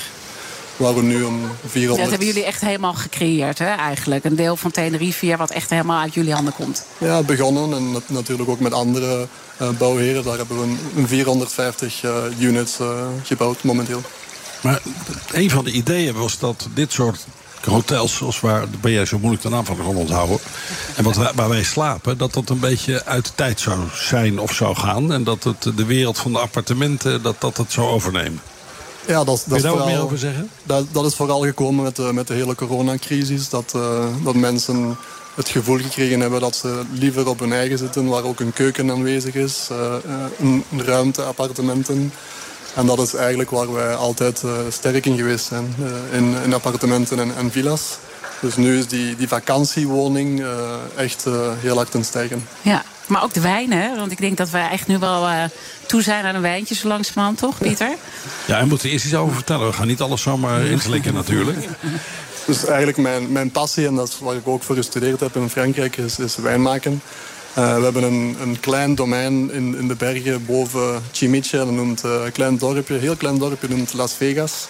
Dus uh, Finca Vegas is ons, is ons domein. Okay, okay. Finca is het Spaans woord voor do, domein in de bergen. En dit wat we nu gaan proeven is een, eigenlijk een, een speciale wijn, want er wordt heel, heel weinig van gemaakt. Maar 280 flessen. En dat is onze Babosso Blanco. Dat is eigenlijk onze top witte wijn. een beetje gemaakt op de, de stijl van de Chardonnays van, van Frankrijk. Dat was ook eigenlijk een interessant verhaal, want uh, die Babosso Blanco druif was eigenlijk gezien als niet echt... Hij is uh, erg lekker. Mag ik dat toch nog even zeggen? Dank je. Bent wel met complimenten. Ja, in zo'n restaurant ook. Dan heb je een lekker wijntje. Komt Ja. een meneer aan tafel staan. Die begint al die druiven uit te leggen. En, hoe ze, en welke helling en weet ik veel. Dus dan moet je wel een slokje mogen nemen, Ja, toch? ja. Heel lekker, sorry. Nee, geen probleem. Dus het was altijd een beetje bekeken als een, niet echt een goede druif. En eh, ik kwam juist terug van Amerika. Ik heb daar zes jaar, eh, zes jaar gewerkt. Ehm, en dan eh, visueel was het eigenlijk heel similair als de Chardonnay-druif. Dus ik kende niets van deze druif. En ik zeg van, we gaan eens proberen om, om echt eh, een Chardonnay-stijl wijn te maken. En dan is dat nu eigenlijk onze, onze topwijn eh, geworden van de hele domein. Ja. Ja. Hoe groot is het domein nu intussen? Eh, het domein 6 hectare, waar 2,5 hectare van geplant zijn, dus heel weinig. We werken ook met andere speciale wijngaarden waar we alle druiven van kopen en echt de, de wijngaard beheren. En dan ook een wijn maken van die speciale wijngaarden. Die, bijvoorbeeld wijngaarden die meer dan 100 jaar oud zijn. eh, stokken die meer dan 100 jaar eh, geleden ge- geplant Op het zijn. eiland. Op het eiland, ja. Dat is eigenlijk iets dat niet veel mensen weten. Maar de, de gemiddelde leeftijd van de wijngaarden op de Canarische eilanden is 80 jaar oud. En het is natuurlijk vulkanische grond eigenlijk. Dus is dat bijzonder? Want ik begrijp dat eh, de, de smaak van de wijn natuurlijk ook voor groot geld bepaald wordt door de grondsoort waarop geteeld wordt. Ja, ja. Is dat bijzonder dat het hier op vulkanisch onder gebeurt? Meer in de wereld? Exporteren jullie die wijn? Wij exporteren momenteel niet, omdat we heel weinig wijn maken. En het, eh, Worden toch jatten dadelijk, denk ik. het verkoopt eigenlijk heel goed in eh, ook alle toprestaurants. Ehm, maar als we kijken naar de, de re- regio's waar de beste wijnen in de wereld gemaakt worden, het zijn altijd plaatsen waar, waar de wijngaarden niet heel gemakkelijk groeien. Er zijn altijd een klein beetje stress op die wijngaarden. En dat is hier natuurlijk eh, met de, de vulkanische grond en, en de warmte hebben we altijd een beetje die stress. eh, dat de, de kwaliteit van, van die druiven plus de leeftijd van die wijngaarden, dat ik er juist zei. Dus alles samen. Natuurlijk ook met eh, het hand van de man die, die de wijnen maakt, eh, is, is ook belangrijk. Eh, alles samen maakt, maakt voor goede wijnen. En deze, Pieter, wat vond je daarvan? Ik ben niet, ja, ik vind het lekker, een lekkere wijn, maar ik ben een absolute Chardonnay-fan. Dus ik zou er liever nog even over door willen zeuren. nou, zeur even door dan. Ja, goed, we hebben een Volkswagen dealer ook meneer lekker, gehad. maar- Die heeft Bernardus bedacht in Californië. Dat is een Nederlander. Dat is een van ook een hele succesvolle Chardonnay. Maar Chardonnay zoals deze is gewoon zonde dat je dat niet eh, op het vasteland eh, kan drinken. Kun je die seks daar niet een beetje sneller volplanten en dan toch gaan exporteren? Zelfs Ja. naar Nederland. We hebben eigenlijk... Naar ons dikke nekken. Zo heet dat toch, of niet? We hebben deze, deze wijnsoort, eh, druifsoort Babosso Blanco ook nu zelf geplant om, om meer te kunnen maken. Eh, 2022, dus vorig jaar, was een jaar dat we iets meer gegroeid hebben tot een 20.000 flessen. En nu gaan we stilletjes aan kunnen bekijken of we kunnen exporteren. Ik zou in Nederland beginnen, vind je niet? Nou ja, het, ja, ja, is, hartstikke lekker. Geen slecht idee. Ja, of mensen moeten gewoon naar Tenerife komen natuurlijk. België. Ja, mensen kunnen ook gewoon naar Tenerife komen. Wat dacht je daarvan? Gaan ze het lekker hier drinken? Als we worden eruit gejaagd. Ja, inderdaad, goed ja, idee. Ja, goed idee. Eh, want eh, dat is misschien een mooi bruggetje. Want eh, misschien als mensen denken... we willen hier ook heen en we willen die wijn wel eens proeven. En golfen, want daar hebben we het natuurlijk ook overtjes Mhm. gehad. Dan kan dat. Dan moet je even naar TUI gaan en BNR op Instagram. Maak dan een screenshot van de BNR-app... en stuur die op naar, naar BNR, naar de Instagram-pagina. En dan eh, ga je hier naartoe en dan ga je lekker genieten van die wijn. Ga jij, denk je, ook nog eh consul worden hier? Nee, ik denk niet. Ik denk dat Nee? als, als het in de familie blijft, hopelijk wel, zal het, eh, zal het waarschijnlijk mijn andere broer zijn die, die meer die relaties heeft. En golf-wijnreiscombinaties, zie je dat ook zitten? Want we hebben nu een topgolfers onder ons. Ja, we kunnen even een deeltje En maken. dat laat zich makkelijk plakken aan topwijnen. Of niet, Wim? Ja, toch? Ik bedoel, Ik hoorde van jouw collega, als je een behoorlijk wijntje Nou, op hebt... er je worden steeds beter speelt zaken te doen. Ja, joh. Leuk. Leuk dat je er was. eh dankjewel. Bedankt, dankjewel. bedankt. Ja. Mooi product. En eh, we zijn er zo meteen weer natuurlijk. eh zometeen met eh Miluska van het Lam, de hoofdredacteur van Harper's Bazaar. Blijf luisteren. BP BNR ben je altijd als eerste op de hoogte van het laatste nieuws. Luister dagelijks live via internet. Bas van Werven. En heel langzaam komt de zon op rond dit tijdstip. Je krijgt inzicht in de dag die komt op BNR, het Binnenhof in Nederland en de rest van de wereld. De Ochtendspits. Voor de beste start van je werkdag. Blijf scherp en mis niets. De Friday Move wordt mede mogelijk gemaakt door Otto Workforce en TUI. Live happy. BNR Nieuwsradio. The Friday Move. Today, the Justice Department arrested Jack Douglas Teixeira. Hij komt uit een eh, familie met meer militairen, wat op zich wel opvallend is natuurlijk. Hallo. I think we lost something. Where is French democracy? Diana Matroos. Ja, we hebben iemand met lef zometeen. Uh, haar plannen om modeblad Harper's Bazaar te veranderen... werd in Nederland niet meteen met open armen ontvangen. Maar uh, ze overtuigde de hoofdredactie in Amerika. En dat zegt alles over Miluska van het Lam... de hoofdredacteur van Harper's Bazaar. Ik praat zo meteen met haar in de Friday Move... live vanuit Tenerife.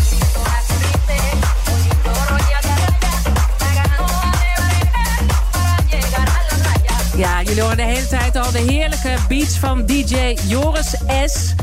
We zijn live vanuit Tenerife, vanuit Tui Blue Los Gigantes. Ik heb het geleerd, hè. Pieter Koblenz, mijn co-host, die uh, even een high five. Begon deze uitzending niet zo lekker. Struikelen, struikelen, struikelen, maar hij is er uh, uit. Uh, onze gast, Pieter, is niemand minder dan de hoofdredacteur van Harper's Bazaar, Miluska van het Lam. Miluska, fijn dat je ook hier bent met ons. En ik zei al eventjes, jij bent iemand die gewoon heel duidelijk durft te zeggen... we gaan het anders doen, ook al zegt iedereen, we willen het niet. Hoe is dat gegaan? Um, ik heb een plan moeten schrijven toen ik hoofdredacteur werd. Of toen ik in sollicitatie ging voor hoofdredacteur. En ik zag dat er al heel veel modemerken waren. En ik dacht, ja, ik wil toch wel het verschil gaan maken om uh, te kunnen groeien met het hele merk. Dus toen zijn we veel meer gaan praten over leiderschap, vooral voor vrouwen. Uh, dus wij combineren heel erg de, de inhoud met de stijl. Want stijl is natuurlijk nog steeds heel erg belangrijk. Um, en daar heb ik er na twee jaar lang wel eventjes voor moeten doorkouwen. Want ik snap ook heel goed dat een, een huidig team niet meteen met je mee wil. Want die zijn gewoon opgevoed in de mode. Uh, dus het heeft even geduurd, maar de, maar de aanhouder wint. Ja. En uh, nu zijn we heel mooi aan het groeien. En dat zegt heel veel over jou. En ik merkte, Pieter, je was helemaal blij dat we iemand hebben aan tafel die ook heel positief in het leven staat. Want dat is een beetje ons thema hè, vandaag. Daar kun je het niet genoeg van hebben. Je, ja, ze kwam hier naartoe lopen. Hè, dus je doet ook in interieur en het lifestyle, heb ik de indruk. Of niet? Interieur toch ook? Ik doe, ik doe, ik doe alles. Alles wat stijl te maken. Ja, van mode tot interieur. Tot... Ja, dat zeg je nou. Maar ik kreeg ruzie met uh, mijn, mijn host. Toen ik zei, oh, dit is de interieurverzorgster. Oh ja, zou ik ook ruzie met jou krijgen? Dat is niet de bedoeling. Is het toch niet, je hebt toch gelijk. Ja, heb, ja, ja. Wat zegt dat maar, over jou, uh, Pieter? Nou, dat ik er heel af en toe wel eens naast zit. maar jij, jij kwam... Jij kwam het gewoon toch door de warmte, denk ik. Zelf. Nee, maar jij kwam hier naartoe lopen en toen zei je... weet je wat er achter jullie in dat zwembad allemaal niet gebeurt? En dat paste wel in mijn plaatje over jou. Dat je toch naar het grotere geheel kijkt. Iets over sfeer vindt. En ik heb ook stiekem naar je zitten kijken toen Jeroen het had over het, uh, dat zijn vrouwen, Nederlandse vrouwen, daar, dat had ze wel bewondering voor. En toen zag ik jou opeens wat rechterop Ja, gaan ik wil. Svetlana als spreker van de Business Club. Ja, daar gaan we al. Ja, ja. voor mensen die het roer om durven gooien. Vanuit Rusland nog wel. Ja. Dus, dus ik ga zo meteen nog even praten met Jeroen. Want waarom is dat roer omgooien zo belangrijk voor je? Ik merk dat veel vrouwen eh, daar behoefte aan hebben. Volgens mij zijn we op zoek. Jij wil, het graag hebben over eh, vrijheid vandaag. Ja. En ik merk dat veel mensen, vrouwen, op zoek zijn naar authenticiteit. Ehm, en dat betekent dat je dicht bij jezelf moet blijven en moet doen wat je leuk vindt. En dat kan best zijn dat je niet op de juiste plek zit in de juiste job. En dat je het lef moet gaan verzamelen om het roer om te gooien. En dat hebben zij gedaan. En daar heb ik heel veel bewondering voor. En ik vind dat hij zo met een menselijke manier spreekt. Ja, en ook zo mooi over uh, Svetlana spreekt. Dat ik zo benieuwd naar Svetlana ben geworden.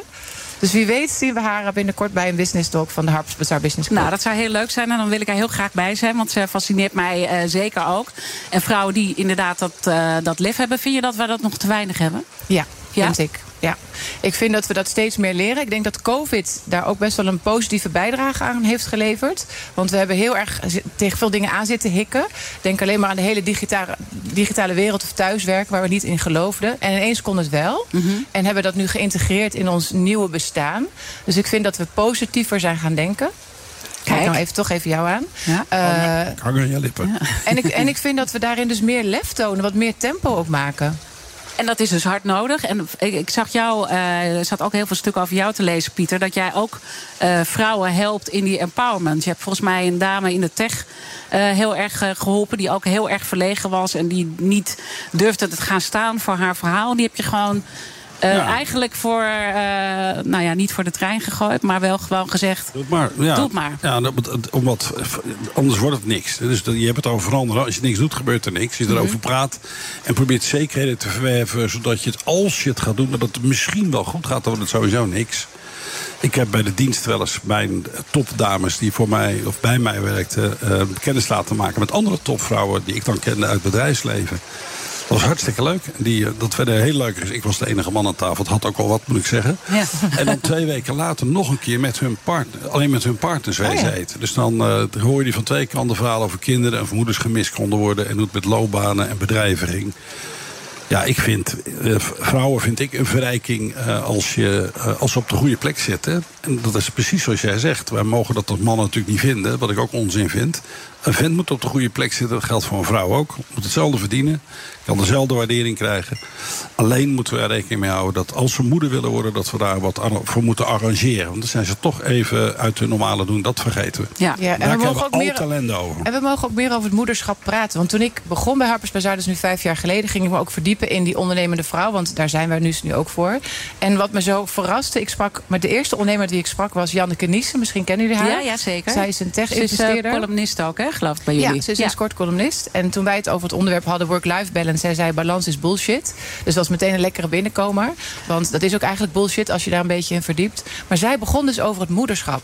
Terwijl we dat heel lang niet wilden gebruiken, dat woord... als we het over ondernemerschap hadden.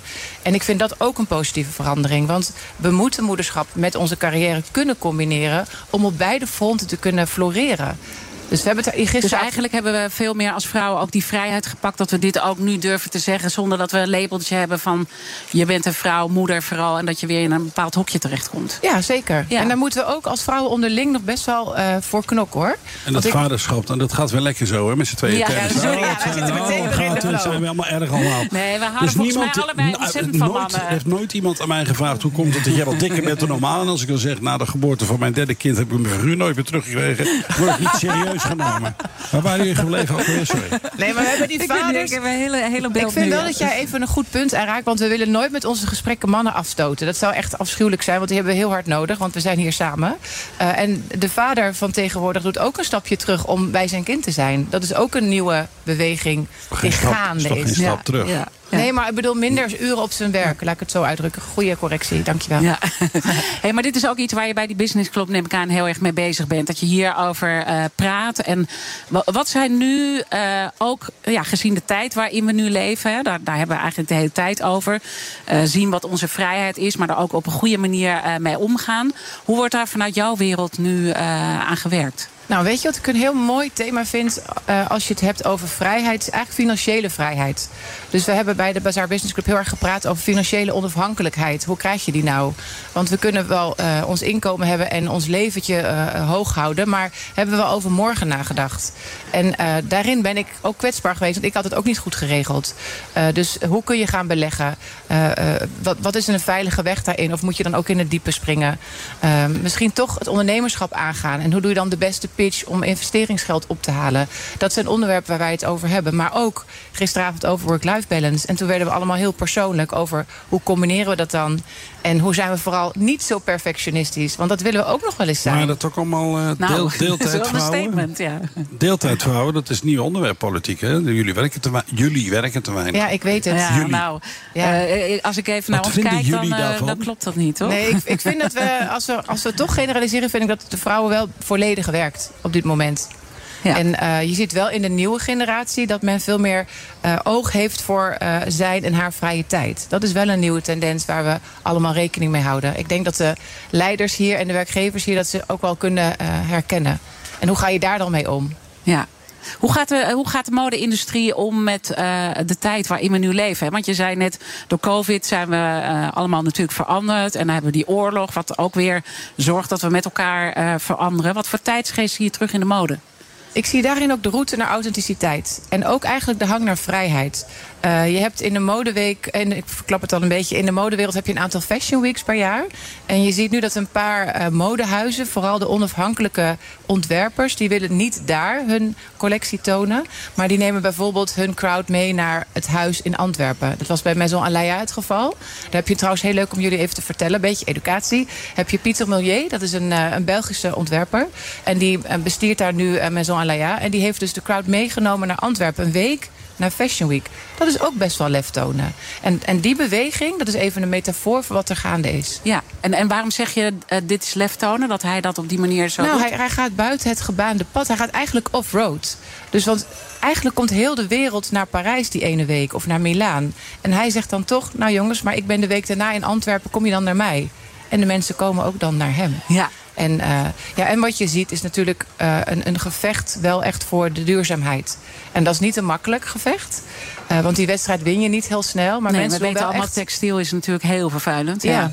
Maar mensen Ja. doen wel hun best met recycling, opnieuw Maar als, gebruiken. maar als we over stijl hebben en dat soort dingen, hebben we het dan over of iets wat voor iedereen toegankelijk is? Of we hebben het over de happy view, die daar bevlogen over kunnen spreken. Na een jaar en zeggen: Nou, dit was een prachtige stijl, we gaan volgend jaar weer iets nieuws doen. Is dit dan voor iedereen bereikbaar of niet? Ja, ik vind dat een mooie vraag. En dat, dat zou je ook over kunst kunnen vragen en over interieur kunnen vragen. En ik vind in al die segmenten, want die bedienen wij allemaal, vind ik het belangrijk dat het eigenlijk het feestje is voor iedereen. Dus iedereen moet zich aangesproken voelen. Want alle vormen van stijl zijn een uitdrukking van wie jij bent of wat jij wil vertellen. Jij ziet er vandaag heel re- relaxed uit, maar toch verzorgd. Daar heb jij over nagedacht. Eh, en dat kun je ook op een hele chique manier doen als je naar de opera gaat en je wil je mooi aankleden. En dan ben je wat meer voor de happy view, want een kaartje voor de opera is niet heel goedkoop. Ehm, maar ik, ik vind dat stijl echt voor iedereen is. En als je daarin lef toont en een beetje hulp krijgt van merken zoals wij om, om die stijl te ontwikkelen, kun je echt een heel eind komen. Dus als een moeders, mijn moeder die had vroeger de knippen en de burda en dat soort dingen. En mijn vrouw doet het zelfs ook nog, die bewaart al die patronen en toestanden. Is het dan ook zo dat je als je nieuwe mode ideeën hebt, dat dat zelfs daarin doorcijpelt dat mensen die het van een lapje stof van de markt moeten hebben en een beetje handig zijn met draad en naald het ook voor elkaar kunnen krijgen? Of is dat net even te veel Nou, ik zal je zeggen, dit is weer helemaal terug. Er zijn heel veel creatieve mensen die in de avonduren weer met hun handen willen werken. Waarschijnlijk wat we vandaag met golf hebben ervaren. Ja, ja, ja. Dat je eventjes eh, uit je hoofd wil verdwijnen en met je handen bezig wil zijn. Eh, dat zie je ook. Mensen willen echt weer dat ambacht Doe, terughalen. doe jij er wat mee met je business club? Met ambacht, eh, met onze handen met dat, werken. Met eh, gewoon eh, mensen die dat leuk vinden om te doen, om die ook mee te slepen in, dat, eh, in het moderne denken, in de moderne Ja. kleding en dat soort dingen. Ja, laat je- zeker. of, of is dat low-hanging fruit? Of is dat, dat zien we nog wel eens een keer? Of neem je dat echt serieus mee? Nee, ik neem het serieus mee. Ik neem, ik neem de, de, de vrouw al mee naar allerlei plekken waar dat gebeurt. Dat ze het kunnen bewonderen. Dus dat ze hun ogen een beetje kunnen trainen. Eh, en ik ben onlangs op een hele mooie plek geweest. Ergens in Afrika. En daar kon je met je handen werken. Dus ik ben nu met hen in gesprek. eh, om daar misschien een keer met de Business Club naartoe te reizen. Dus eh, nee, veel grote dromen. Maar vooral om die vrouw te laten groeien, persoonlijk en eh, professioneel. Ja. Want dan wordt ze echt de beste versie van zichzelf. En dat is voor haar heel goed, maar ook aan de mensen die zij leiding geeft. En dat is volgens mij ook jouw thema, hè? Van durf te dromen. Waar, waar droom je zelf nou nog van?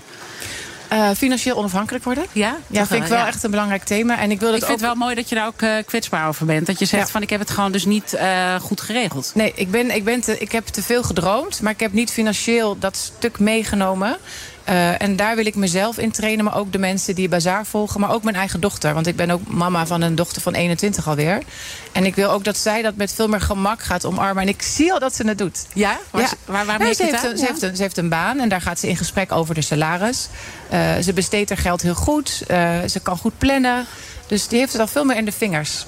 Wat mooi, wat Ik mooi om heel te veel- horen. Zie je Ja. ze anders gaat kijken. Nu is even Ja, moeder. ja, ja, ja, ja, zeker. en moet ik herken het ook als moeder. Dat is natuurlijk, eh, Ik ja. herken dat dan weer niet, maar ik ben ook vader. Jij bent vader, dan herken je dat ook. En je hebt heel veel kleinkinderen. Hoeveel zijn het er ook alweer? Elf. En ik heb twee dochters die het allemaal goed doen. Ik, ik vind dat wel leuk. En wat doen jouw dochters, als ik vraag mag? Eh, mijn middelste dochter heeft, eh, is moeder van vijf jongens. Ja? En heeft drie bedrijven. Een ingenieursbureau, zij is de ingenieur. Ze heeft een zonnepanelen- en ledverlichtingsbedrijf en een examenbureau. Oh, te gek. Dus ook een Met eh, een kandidaat hele ondernemende vrouw. Ja. Ja, ook een kandidaat Maar die, is- maar die doet ook zo nu en dan. Een, eh, een- die- het punt dat ze af en toe een dag vrij moet nemen is omdat tegenwoordig, in tegenstelling toen ik jong was. eh, beide partners moeten werken, anders kunnen ze niet een huis betalen. Als je alle twee werkt, dan kun je wel roepen dat ze alle twee fulltime moeten. Dat is natuurlijk niet altijd mogelijk. Als je een stapel kinderen hebt, dan is het niet leuk om die alleen door de naschoolse opvang en, de, en, die juffrouw op school op te laten voeden. Moet je zelf ook tijd voor kunnen nemen. Ja. Dus dat Ja. doet ze ook. Ja, want daar word je zelf ook Ja. gelukkig van. Dat doet ze ook. Ja. Dat is haar logo. Dat is ook een beetje van de vader. En Als Ja. je een dag niet blij bent, onmiddellijk iets aan doen. Ja, dus, dus we gaan straks nog even napraten. We hebben ja. er heel blij vandaag. Ja, en toch? hebben die vieze wijn uit Waar is die? Hij is toch niet weggelopen met al zijn flessen, hè, of wel? Oh, je begint nu een beetje Wilfred Gené te lijken. uiterlijk ook? Dat is, eh, dat is een jammer. compliment hoor. Want ik ben fan van Wilfred Gené. Dus, eh, ehm, heb je nog iets van tips voor eh, wat wij eigenlijk allemaal moeten gaan dragen? Want jij ziet er altijd onberispelijk uit. Moet ik echt zeggen. Altijd tip-top. En eh, ja, we zitten hier nu met dat zonnetje. We moeten allemaal weer die, die winterkleding moeten opgeborgen worden. Wat moeten we echt dragen? Ja, we mogen eh, dichter bij onszelf gaan komen. Je zag na COVID dat het allemaal heel extravagant was. Ehm, en, en nu mag je wat dichter bij jezelf. Dus het mag allemaal wat gematigder. Wat ik zag op alle Fashion Weeks is dat het uniform is de inspiratiebron. En dat is eigenlijk als Kun je nog één keer halen? het uniform, het uniform.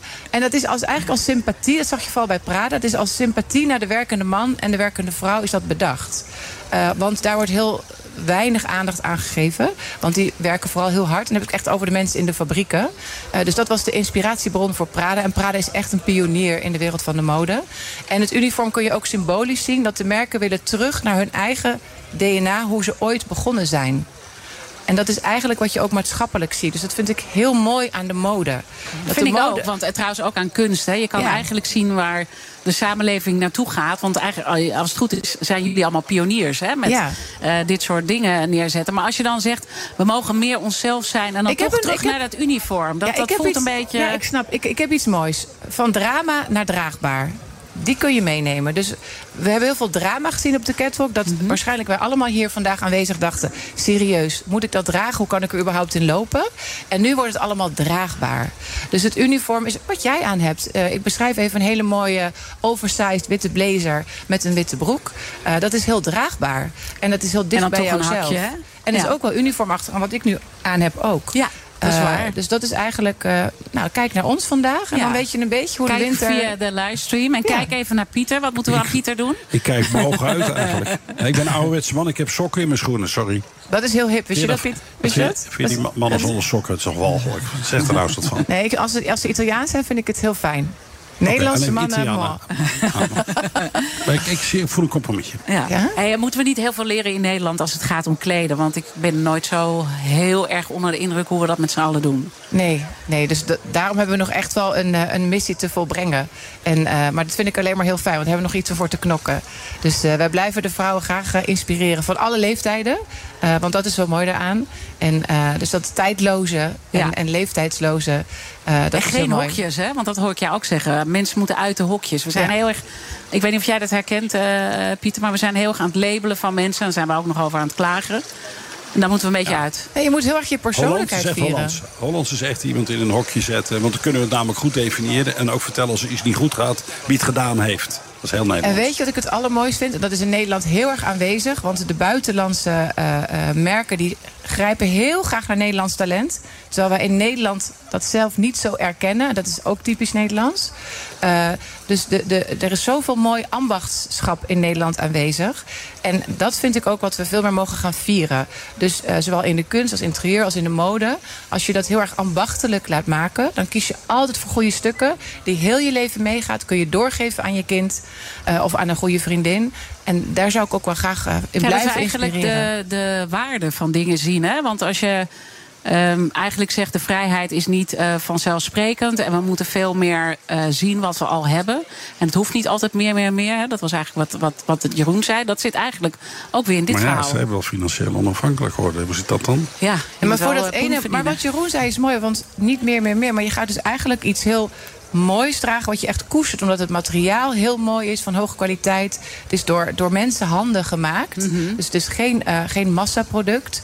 En het, het wordt echt een stukje van jouw eigendom. Alsof je een kunstverzameling aanlegt, maar dan voor jouw garderobe. Dus die garderobe is helemaal niet packed. Het is heel zorgvuldig samengesteld. En, en daar wil ik graag naartoe bewegen. Ik heb dan nog een vraag over dat financieel ontvang. Wat bedoel je daar nou precies mee? Bedoel je nou dat je als, eh, als persoon een, eh, een financiële situatie opbouwt die je niet afhankelijk maakt van wie dan ook. Ja. Of zeg ik wil zo'n stapel geld hebben dat ik gewoon op mijn rug kan liggen en eh, naar buiten kan liggen kijken. Dat is ook financieel onafhankelijk. Nee, een ja. wat zichzelf. Ik wil lekker kunnen slapen, zodat ik weet dat morgen oké is. Maar ook dat over drie jaar dat ik eh, ervoor gezorgd heb dat mijn dochter kan studeren. Dat ik een, eh, een, een appartement voor haar kan huren. Dus ik wil voor mij en haar toekomst kunnen nadenken. En dan ben ik weer metafoor voor alle andere vrouwen eventjes. Maar dan kan ik het wat concreter maken voor jou. Dus ook onafhankelijk van de man. eh, maar ook vooral rekening houden met dat ik mezelf aanleer... meer na te denken over morgen, overmorgen en de week die volgt. Ja, en wat moet je dan doen? Wat moet je dan anders doen? Of wat moet je eh, aan nieuwe dingen Ik gaan moet doen? beter leren onderhandelen over mijn salaris. Eh, Ja. ik moet misschien wel meer projecten erbij gaan doen. Eh, misschien moet ik wel gaan beleggen. Eh, toch, toch een appartement gaan kopen. Heb je een partner of niet? Nee. Als je een nieuwe neemt, gewoon één meteen heel weinig geld nemen, lig je gelijk voor. Is dat een idee? Nee, dat vind ik geen goed idee. Geen goed idee. Nee, Ik vind het ook een heel ik slecht ben het idee. Ik denk dat doe het snel We moeten nog even. Wij die moeten wijn, nog die wijn mag echt niet weg. Nee, die wijn moet terug. Nou, maar ik begrijp wat je bedoelt. Heel leuk dat je er wilde eh, zijn, Miluska van het Een Land. hele eer om bij jou als eh, mijn radio-icoon aan, aan tafel te schuiven. Ah, dat is en met al deze leuke gasten hier vandaag. Ja, het is geweldig, Grote toch? mooi mijn team. gezicht. Ja, mooi, team. En eh Toei verzorgt ons heerlijk hier. En eh, we gaan ook nog een beetje van de zon genieten. Maar eh, ik zou zeggen, blijf gewoon nog even bij ons. Want we gaan zo meteen praten met eh, Nick Toet. Volgens mij heb jij er enorm op verheugd, eh Ja, ik Pieter. ook. Ja, en Nick, Kan niet ja. wachten. Kan Nee, niet wachten. Nee. Hele populaire chefkok. Online. Eh, blijf bij ons. Ook Hugo Reitsma vind je in de BNR-app. Superhandig die BNR-app. Je kunt alle programma's live luisteren, breaking nieuwsmeldingen. Je blijft op de hoogte van het laatste zakelijke nieuws. En je vindt er alle BNR-podcasts, waaronder natuurlijk de belangrijkste, Boeken zijn in de wijk. Download nu de gratis BNR-app en blijf scherp. De Friday Move wordt mede mogelijk gemaakt door TUI en Otto Workforce. Our people make the difference. Altijd en overal live breaking news. Download de gratis BNR-app. BNR Nieuwsradio. The Friday Move. Today, the Justice Department arrested Jack Douglas Teixeira. Het systeem heeft gefaald, iedereen heeft gefaald, dus niemand heeft gefaald. Er wordt eigenlijk gewoon voor de bus gegooid. En daarom is dit staatsbezoek meer dan een symbolisch belangrijk moment. Diana Matroos. Ja, we komen aan het laatste half uurtje van de Friday Move vanuit Tenerife eh, nog steeds. En eh, zometeen praten eh, Pieter en ik met chefkok Nick Toet... met het grootste online platform van Nederland als het om koken gaat. Luister naar de beats van DJ Joris S.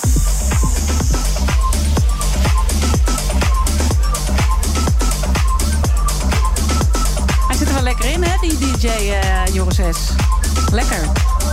Aan tafel. Aan tafel. We nemen hem mee. We nemen hem mee terug naar Nederland. Aan tafel een van de populairste televisiekoks. Of eigenlijk eh, moet ik zeggen YouTube-kok. Ja, YouTube-kok inderdaad. Ja, Nick eh Toet. Je hebt een eh, YouTube-kanaal Eten met Nick. Elke zondag volgens mij. Elke vijf- zondag vijf uur. Vijf uur. Stipt vijf uur. Als ik later ben, worden mensen boos. Ja. En je bent echt gigantisch groot. En we merkten net al een beetje dat je er ook verlegen van wordt... als we zeggen grootste online platform. Ja, een beetje wel. Ja. Bescheidenheid siert de mens. Ja, maar het is wel zo, toch? Maar het is wel zo, ja, nee, dat wel. Ja. Heel veel mensen inspireren om lekker, lekker vreten te maken, zeg ik dan altijd. Dus dat, ja, dat. Ja, dat, eh, typeert jou ook wel, hè? Even, ja, ja, ja, eigenlijk dat vreten wel. even ja, erachteraan. Ja, ja, eh. ja, nee, dat is eh, ja, hoe ik zelf opgegroeid ben. En ik heb zelf ook in de keukens gewerkt. En als je daar af en toe de taal hoort, dan vind ik mezelf nog netjes. Ja, dus, dus zo is het een beetje begonnen. Dat je, dat je eigenlijk eh, zoiets ik ben- had van... ik moet wat daar gebeurt, moet ik ook een beetje realistisch naar voren brengen. Ja, geboren en getogen in Den Haag. Echt Hagenees. Ja. Dus eh, eh, ja, op genoeg plekken stage gelopen. Hoor, hoor je niet hoor. Nee hè? Nee, hè? broodje M&E. Echt wel. Lekker. Ja, nee. Ja. nee. In genoeg keukens gewerkt om, eh, om eh, ja, te weten hoe dat allemaal gaat. En niet dat het een gimmick is, want zo doe ik thuis. Weet je, als ik met vrienden kook of zo. En dan zeg ik, Nick, wat moet ik met, eh, wat moet ik met dit? Zeg ik, pleur in de pan. En dan komt het allemaal goed. Ja. Dat is een beetje de, de, de instelling die Ja. ik heb. Ja. En, en hoe ben je zo ver gekomen? Want het is echt... eh, hoe lang ben je nu bezig? Ik ben met Eten met Nick ben ik ongeveer 3,5 jaar bezig. Eh, en ik heb ook de kokschool gedaan, twee jaartjes. Maar dan was ik na een half jaar was ik het al zat. Dacht ik, dit ga ik niet helemaal leven doen. En toen camera editen gedaan. En op een hele rare manier is alles weer samengekomen. Ja, en Ja. hoeveel volgers heb je nu? Ik heb, er zit nu de 400 nog iets verwijderd van 180.000. Zo. Op YouTube, ja. Ja. Ik heb altijd, als ik eh, dit soort verhalen dan hoor... dan denk ik, ik heb echt iets verkeerd gedaan. Eén ding. Eén ding. oh, nu komt de evaluatie. Ja, kom, Ja, kom, gaat over maar, doe maar, maar. Dat, ja, dat jij koken niks vindt, dat is me de afgelopen dagen al duidelijk geworden. Je eet de ingrediënten eet je los op. Ja, deze had ik net bedacht. Hij kan wel lekker Dus. Nou, overigens ben jij, want je maakt eh, eh, eh, echt veel ja, barbecue. Hè? Dat is eigenlijk het, het belangrijke centrale thema. Ook met een boek. Ja, wat tweede je- boek. Tweede Ja, boek nu, die eraan komt. Barbecuen met Nick. Ja. En ik ben Nick en met mij ga je barbecuen. Ja. Ja. En gaat er dan heel veel vlees op? Eh, valt best mee. Ja? Ik heb wel, ja, wel, natuurlijk wel heel veel vlees. Want ja, barbecue voor mij is ook natuurlijk ook vlees. Maar er zit een heel mooi eh, groentehoofdstuk in. Met hele bloemkolen. En, eh, hey. en eh, ja, Pieter, is ook wat voor jou. Zit er niet zo'n vieze bek Ja, te jij zit trekken, heel joh. vies te kijken. Hey. Bloemkolen, de- denk aan de carnaval en bier drinken. Kom eens een keer Ja, bij mij. Ja, hele grote bloemkolen. Ja. Ja. Ga zeg je nou tegen mij dat ik hele grote heb? Je moet wel een beetje oppassen. complimenten, hè? Oh, dat is Ik denk dat mensen even via bnr.nl eh, slash kijk even moeten meekijken. vol. Ja. Dan zien we even het eh, formaat hier eh, eh, ook voorbij komen. Ik had het net nog met iemand van de mode over dat eh, mannen die wat ruimer in hun vet zitten, dat dat eh, gaat inworden. Ja, ja, ja. Nee, dus je voelt je helemaal Zijn we eh, van deze tijd. Zijn we hippies, hè? Zijn we eindelijk onze tijd Ja, vooruit. echt hè? Ja. Wist ik wel. Hey, maar we hadden natuurlijk heel graag eh, jouw eten willen proeven. Ja. Maar dat, dat ging... eh, Nee, we probeerden volgens mij nog wat te regelen, We probeerden, want we hebben die livestream. Hadden we Wettelijke kunnen... restricties hebben Ja. ons, eh, de, de regels hebben ons de Maar das dat is, we, omgedaan. moeten, we moeten ons hier ook netjes eh, gedragen. Maar iedereen kan natuurlijk jouw kanaal bekijken. Maar eh, ik vind het ook mooi om gewoon een beetje jouw persoonlijke verhaal. En dat je dus dat boek weer gaat maken. Je hebt een, al een boek eh, gemaakt Ja, als een klopt. bestseller. Ja, klopt. Ga je dan zo'n tweede boek. Dat lijkt me heel heftig. Dat je dan weer over dat succes van die eerste heen moet. Ja, een beetje normaal doen, zeg ik dan gewoon. De verwachtingen die je bij het eerste, of alles wat je met alle succes die je met het eerste boek hebt gehad, gewoon eh, eigenlijk uit het raam gooien. Want het was een andere periode, coronatijd. Eh is dus nog steeds heel erg dierbaar. Niet dat ik er eh, scheid aan heb of zo. Ja. Maar ah ja, het, is, het is een nieuwe tijd. Het is, het is, alles is weer open. Mensen koken minder thuis. En op een, Dus het moment een, is gewoon goed. op een nieuwe manier naar, naar Ja, het boek kijk, eigenlijk. Maar je hebt wel gezegd in je boek van... eh, als iemand me had gevraagd of ik een tweede boek zou willen maken... dan had ik je verrot gescholden. Ja, dat staat erin. Ja, Ja. dus daar zit iets achter, toch? Ja, nee, ja, toch, toch de, de, de, de, de, eh, ik ben het kookboek gaan maken. Een, puur een kookboek. Het eerste kookboek. eh, een kookboek wat ik vet vond. Ja. En dat was gelukt. En eh, in, in de periode dat ik met het kookboek bezig was, dacht ik echt van, nou, als ik, ik zou echt nooit meer een tweede kookboek maken. Maar toen het klaar was, was ik zo trots erop. En tuurlijk telt het succes natuurlijk ook wel een beetje mee. Want ik verblijd mensen graag met eh, lekker vreten, zeg ik dan altijd maar. Ik heb er nog niks van. Maar... De oude hoed alleen maar over. Ik, Eh, heb kijken, jou ja, net een stukje maar- maar ik- aangeboden, maar die wil je niet. Nee. Ik krijg het zuur op Ja. als ik aan denk. Maar eh, wat, wat, eh, je hebt ongetwijfeld een gerecht waar je van denkt van... nou, dat vind ik nou, daar word ik nou erg blij van. Als ik eh, thuis kom, dan maak ik dat eens even. Nou, even niet. Want ik denk dat je een, een beetje liefde in je eten moet stoppen. En meestal duurt dat bij mij altijd wat langer. Maar de rendang vind ik echt gek. Oké. Dat is echt, eh, daar kun je me s'nachts voor wakker maken. En eh butter chicken vind ik ook te gek. En gewoon alle soorten stoofpotjes. Ja. En, heel, veel, jij, en heel eh, veel barbecue eten natuurlijk uit mijn nieuwe boek. En wat vind je absoluut niet te pruimen? Bijvoorbeeld, ik heb dat bijvoorbeeld met spruiten. Die heeft onze lieve heer bedacht om eh, met bloemschik eh, eh, aan de steltjes Ja, tussen de tulpen in te zetten. Wat vind jij niet om te eten? Chia pudding. Is dat, is dat, een, soort, is dat een soort mayonaise met kaneel eroverheen? Een soort mayonaise met Heb ik kaneel gisteren iemand ja. zien eten, ja. Nee, in principe, ik heb, we gaan heel open-minded. En, eh, en ja, als, het- als het maar lekker is, dat is Ja. het belangrijkste. En wat kunnen we van het tweede boek verwachten dan? Eh, wat ik er verwacht of wat je er kan van verwachten? Wat, we, wat je ervan kan Ja, verwachten? ik heb het een beetje. Ik heb, eh, er staat ook volgens mij in het boek dat, eh, dat waarom maak ik een barbecueboek? Want er zijn mensen die veel beter kunnen barbecuen dan mij. Weet je, Jort Althuis heb je, je hebt nog een paar van dat soort gasten. En ik denk dat ik op de visie, of de visie, ik weet niet eens of het de visie is, maar gewoon de manier waarop ik dingen breng. Ik probeer het altijd heel makkelijk en hapklaar te brengen aan mensen. Ik denk dat dat misschien een beetje het verschil is tussen, tussen mijn barbecueboek en andere barbecueboeken. Ja. Ja, maar Ja. er zit in ieder geval wel genoeg groente in. Er zit eh, een groentehoofdstuk en een vishoofdstuk. En eh En huzaren, wie de oud-Hollandse huzarensalade maak ik ook. Wie maakt de foto's van die boeken? Sven Benjamins. Echte topfotograaf. En hoe lang heb je dat? Je maakt iets lekkers, het water loop je door de bek. Moet je dan heel snel een foto maken omdat er anders een hap uit verdwenen is? Of hoe werkt dat? Nee, ik ben altijd heel, heel netjes. Of, is het, of ik gooi het er daar weg omdat het koud geworden is, omdat de foto's. uh, nee, we zorgen wel altijd. Nee, want jij was jij heel streng over. Ja. Of het weggooien van eten. Nee, dat, daar ben je niet van. Dat hoorde ik ook. Nee, ja, dat nee, hoorde ik nee, van. heel nee, goed, zeker eh, niet. ja. Nee, als we wat dingen maken op de fotodag, dan is het gewoon, eh, nou, dan ligt er een berg sperrips. En dan eh, lunchen we en de rest gaat eh, naar zijn familie. Of iemand neemt het mee naar huis of dat soort dingen allemaal. Ja. Dus, eh, maar er bleef wel genoeg eten over. Maar er waren genoeg mensen om het op te eten. Ik, heb zo'n gevoel dat wij, eh, als jij door je bleekselderijperiode heen bent, dat wij bij de opnames van het boek gaan zitten. Dat Ik kan wordt je geruststellen, want ik heb ook altijd vlagen hoor. Dus ik ben al een eh, tijdje weer helemaal eh, in de healthy Kijken of we dat kunnen Nou, synchroniseren misschien met wordt de het derde boek wel gewoon een bleekselderijboek. En dan, eh dan kun je ook gewoon Dan, eh, maken. dan je nog afrondende vraag? Bleekselderijboek, schijn het er alsjeblieft uit. Verschrikkelijk. Nou, maar ik heb, ik heb gelezen dat jij het ook wel een, een struggle vindt om op eh, gewicht te blijven. En dat je daar ook wel heel erg mee bezig bent. Dus hè, we kunnen wel grappen maken over mijn bleekselderij. Maar het is gewoon hard werken soms om op gewicht te blijven. Zeker, absoluut. Ja. nee, dat is af en toe wel eh, al jaren. Maar ja, toch is ja, lekker eten. Ja. Ja. Dat- Never trust a skinny chef, zegt ze wel. Ja, ja, ja, Hoe oud ben je? 37. Ah, je kunt er 69 worden met iets te veel gewicht. Dus eh Ja. dat is nog Nou, een goed En toekomstvooruitzicht dan heb kun je altijd. eh. Hey. Uiteindelijk begin je toch met een dieet. Want je moet een keer in die urn passen ooit. Dus eh gaat vanzelf.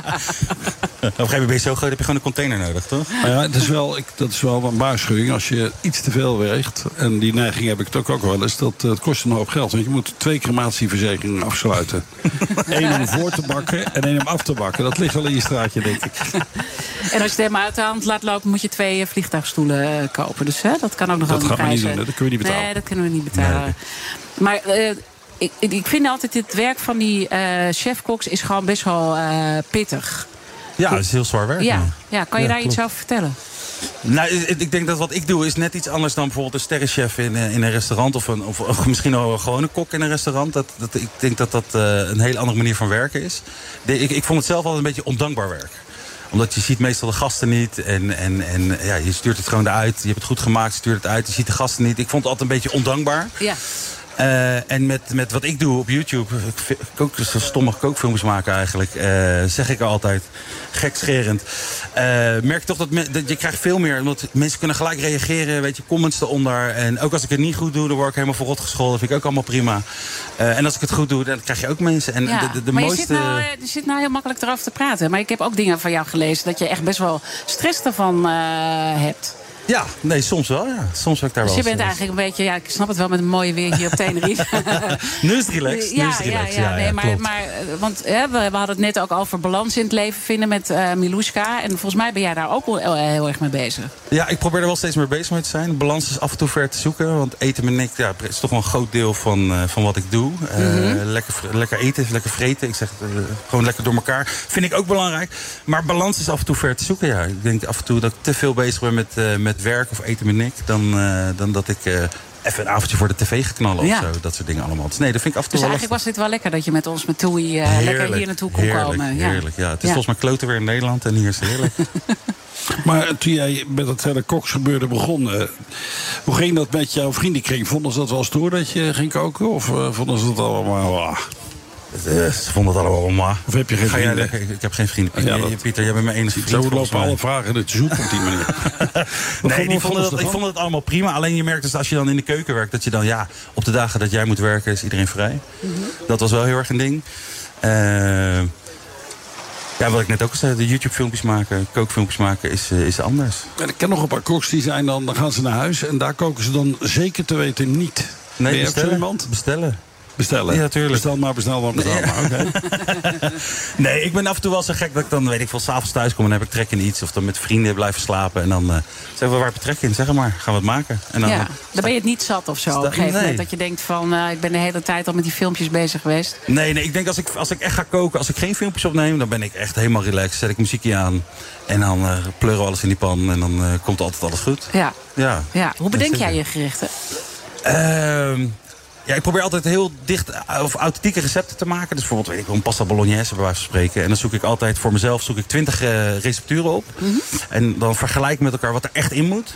En dan weet ik van, oké, daar moet ik niet aan kloten. Dat moet er echt in. En eh, de, recept- of de andere ingrediënten waarvan ik denk van, ah, dat is gewoon persoonlijke smaak. Die pas ik dan aan op wat ik, wat ik persoonlijk lekker vind. Ja. Dus dat. En is het ook een hartstikke hype natuurlijk naar eh, weet je, de Australiën en weet ik veel, Londense koks. Dat mensen aan de beeldbuis gekluisterd zitten. Om mensen dingen te zien laten mislukken. Zo'n beetje als bij Holland Bakt. Hè. De leukste zijn altijd dingen die al- uit de handen laten vallen. Ja. Of eh, over de, eroverheen kookt. En dan blijven dan een paar mensen over en uh, er winnen er een paar van. Is dat, eh, wat vind je ervan?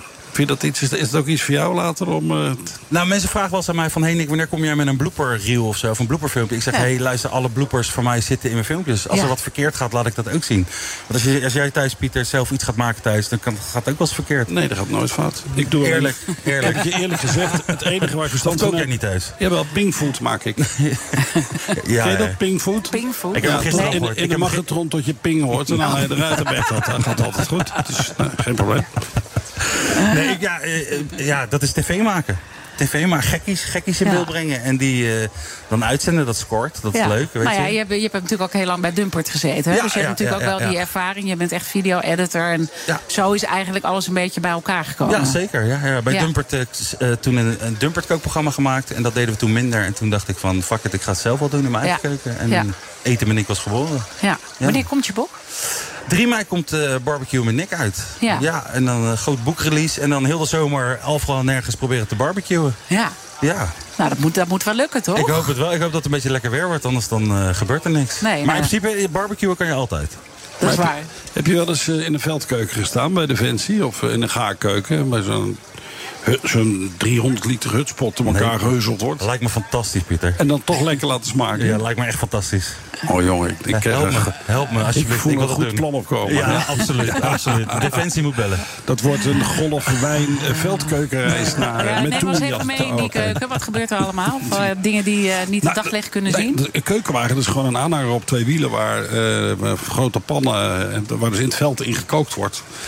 En ik kan me nog goed herinneren toen wij voor het eerst met de raketten... naar een eh, grote oefening eh, gingen in White Sands in de Verenigde Staten. Dan sta je midden in de woestijn. En eh, ja, we hadden daar een, eh, een collega-eenheid van de Britten. Die, de Britten zijn heel erg authentiek. Die nemen een tent mee, maar ook het tafellinnen. En ook eh, de tapijten gaan mee. en de tafelzilver. Als je uitgenodigd wordt, dan lopen daar hofmeesters keurig te serveren. Ja, wij zijn natuurlijk stom Hollanders. Wij konden daar natuurlijk niet tegenop. Maar we wilden die Britten toch een lesje leren. Dus toen hebben wij de veldkeuken klaargezet. Toen hebben wij daarna de heren uitgenodigd op een wijntje. En daarna hebben wij een eentonners laten komen. Die eentons aanhangers, die waren afgeladen met zeewater. En er zaten levende kreeften in. Die mochten ze uitzoeken. Midden in de woestijn. Daar hadden we zo leuk te pakken. Dat hadden ze Zo. nog nooit van elkaar gekregen.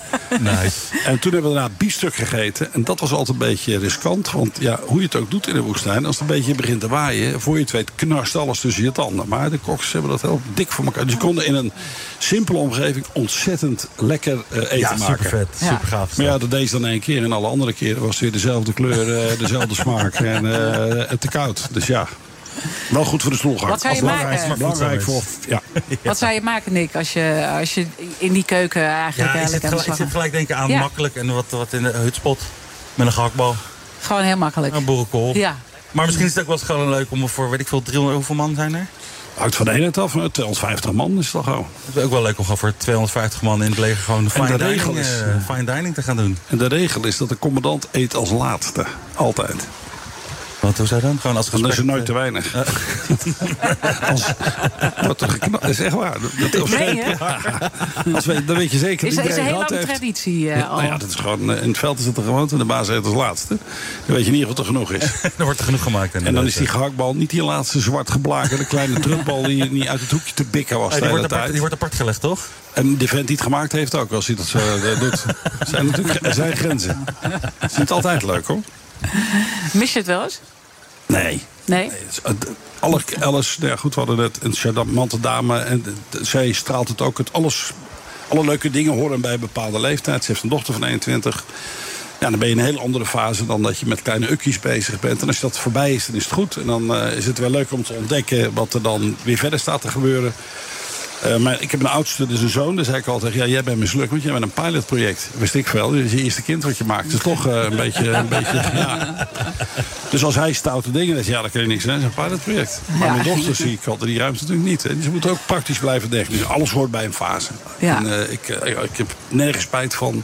En ik maak nog steeds leuke dingen mee, zoals Ja, je bent nog volop bezig natuurlijk, hè? Ik heb gisteren met Toet lekker zitten ouwe hoeren over eten... en of je petten dan wel of niet binnen mag dragen. En nou ja, hij wilde hem Hij niet heeft, hij afzetten. heeft hem nog steeds op. Ja, omdat we nu buiten zitten. Dat hebben we heel het programma vlees- helemaal zo'n vlees- omgedraaid. Zo'n vleespet als Pieter heb ik ook bij. maar wij zitten alleen aan de zijkant nog. Vind je dat erg? Nee, nee. Dat niet. Nee. nee. Het is Je gewoon lekker gewoon makkelijk- eh, lekker, lekker pet, makkelijk. eh, die Ja. wil je gewoon lekker op. Ja, eh, ja. ja. Hey, maar het wordt wel, toch wel eh, spannend. Dat boek komt er dus eh, aan. Ja, en ja, je zegt ja, ja. gewoon van, joh, ik ondergaat en... Ja, we gaan gewoon kijken wat het doet. Geen verwachtingen, daar kun je ook niet teleurgesteld worden. nee, en wat voor verwachting heb je nog meer met dat online platform? Eh, wat wordt je volgende stap? Of zeg je, het is gewoon goed zo? Het, dingen komen spontaan. Ja. En dan eh, we wel wat dingetjes. Gewoon lekker doorgaan met, eh, met kookfilmpjes maken. En eh, wat meer de diepte in. Fermenteren vind ik helemaal te gek. Eh, dus we gaan mensen echt goed leren koken. En zo moeilijk is koken niet. Iedereen kan wat, het. wat is fermenteren? Kun je daar een lekker Haags woord voor vertellen? Zeggen? Gecontroleerd rotten. Kijk, dat wou ik graag horen. Kijk, dan is het maar du- lekker duidelijk, gaan- toch? We gaan fermenteren. hoor. Je oude meuk te eten. Heerlijk, lekker. Goed. dat is volgens mij eh, wat jij heel belangrijk vindt, hè, Pieter? Dat we gewoon Duidelijk. veel meer duidelijkheid eh, eh, hebben en eh, beter uitspreken wat we nou echt bedoelen. Zo is het. En wat we doen. We hebben allemaal mensen aan tafel gehad die iets doen. We hebben mensen die wijnzuigen maken op een vulkaan. Die ook een beetje. Hebben een dame die zich de, de mode heeft aangetrokken, de stijl heeft aangetrokken, maar opeens leiding geven in haar boek heeft meegenomen. Ik vind dat ze op een hele interessante en boeiende manier vertelt. Allemaal positieve dingen. En dat jij eh, iets gaat doen met rottend eten, moet ik even over nadenken. Maar als kun je altijd nog bij mij komen eten met pinkfood. Je moet, je moet gewoon even uit je comfortzone komen. eh, Ga ik Pieter. dadelijk doen met een fles eh, goedkope wijn, denk ik. Want hij is al lang weg. En Tenerife? Tenerife, ik vind het een, eh, ik hartstikke leuk om hier te zijn. Ik Ja. heb natuurlijk maar een klein stukje gezien. Super mooie golfbaan. Ontzettend gasvrij hotel. Leuke mensen meer. Die hebben we zelf meegenomen voor het grootste gedeelte. En de rest kunnen we niet verstaan. Dus dat is, eh, dat is het zo'n beetje. Nou, dat is lekker, dat is lekker overzichtelijk, overzichtelijk, toch? Ja, ja precies. Hey, we gaan morgenochtend zwemmen. Ga je mee? Als jij een brommetje doet, dan eh, bel ik eh, naar Afrika dat er een tsunami onderweg is. En dan ga ik niet aan meewerken. Ja, voor iedereen is het moeilijk om het... die willen er natuurlijk bij zijn eigenlijk. Maar eh, zeg je nou, ik wil heel graag die reis winnen... met Toei naar Tenerife. Heb je opgelet? Wat heb ik gezegd? Wat moeten ze doen? Ze moeten op de site kijken van BNN. Dan hoef je dat hashtag niet bij te vertellen voor de bedrijfsleiding. Dat vinden ze dan zelf uit, toch? Ja, het mag ook naar Toei, naar de Instagram en eh, naar BNR. En dan ga je hier gewoon ook lekker zijn, eh, want het is echt eh, prachtig weer. Ik vond het leuk. Ik ook. Was er genoegen. Ik vond het te gek.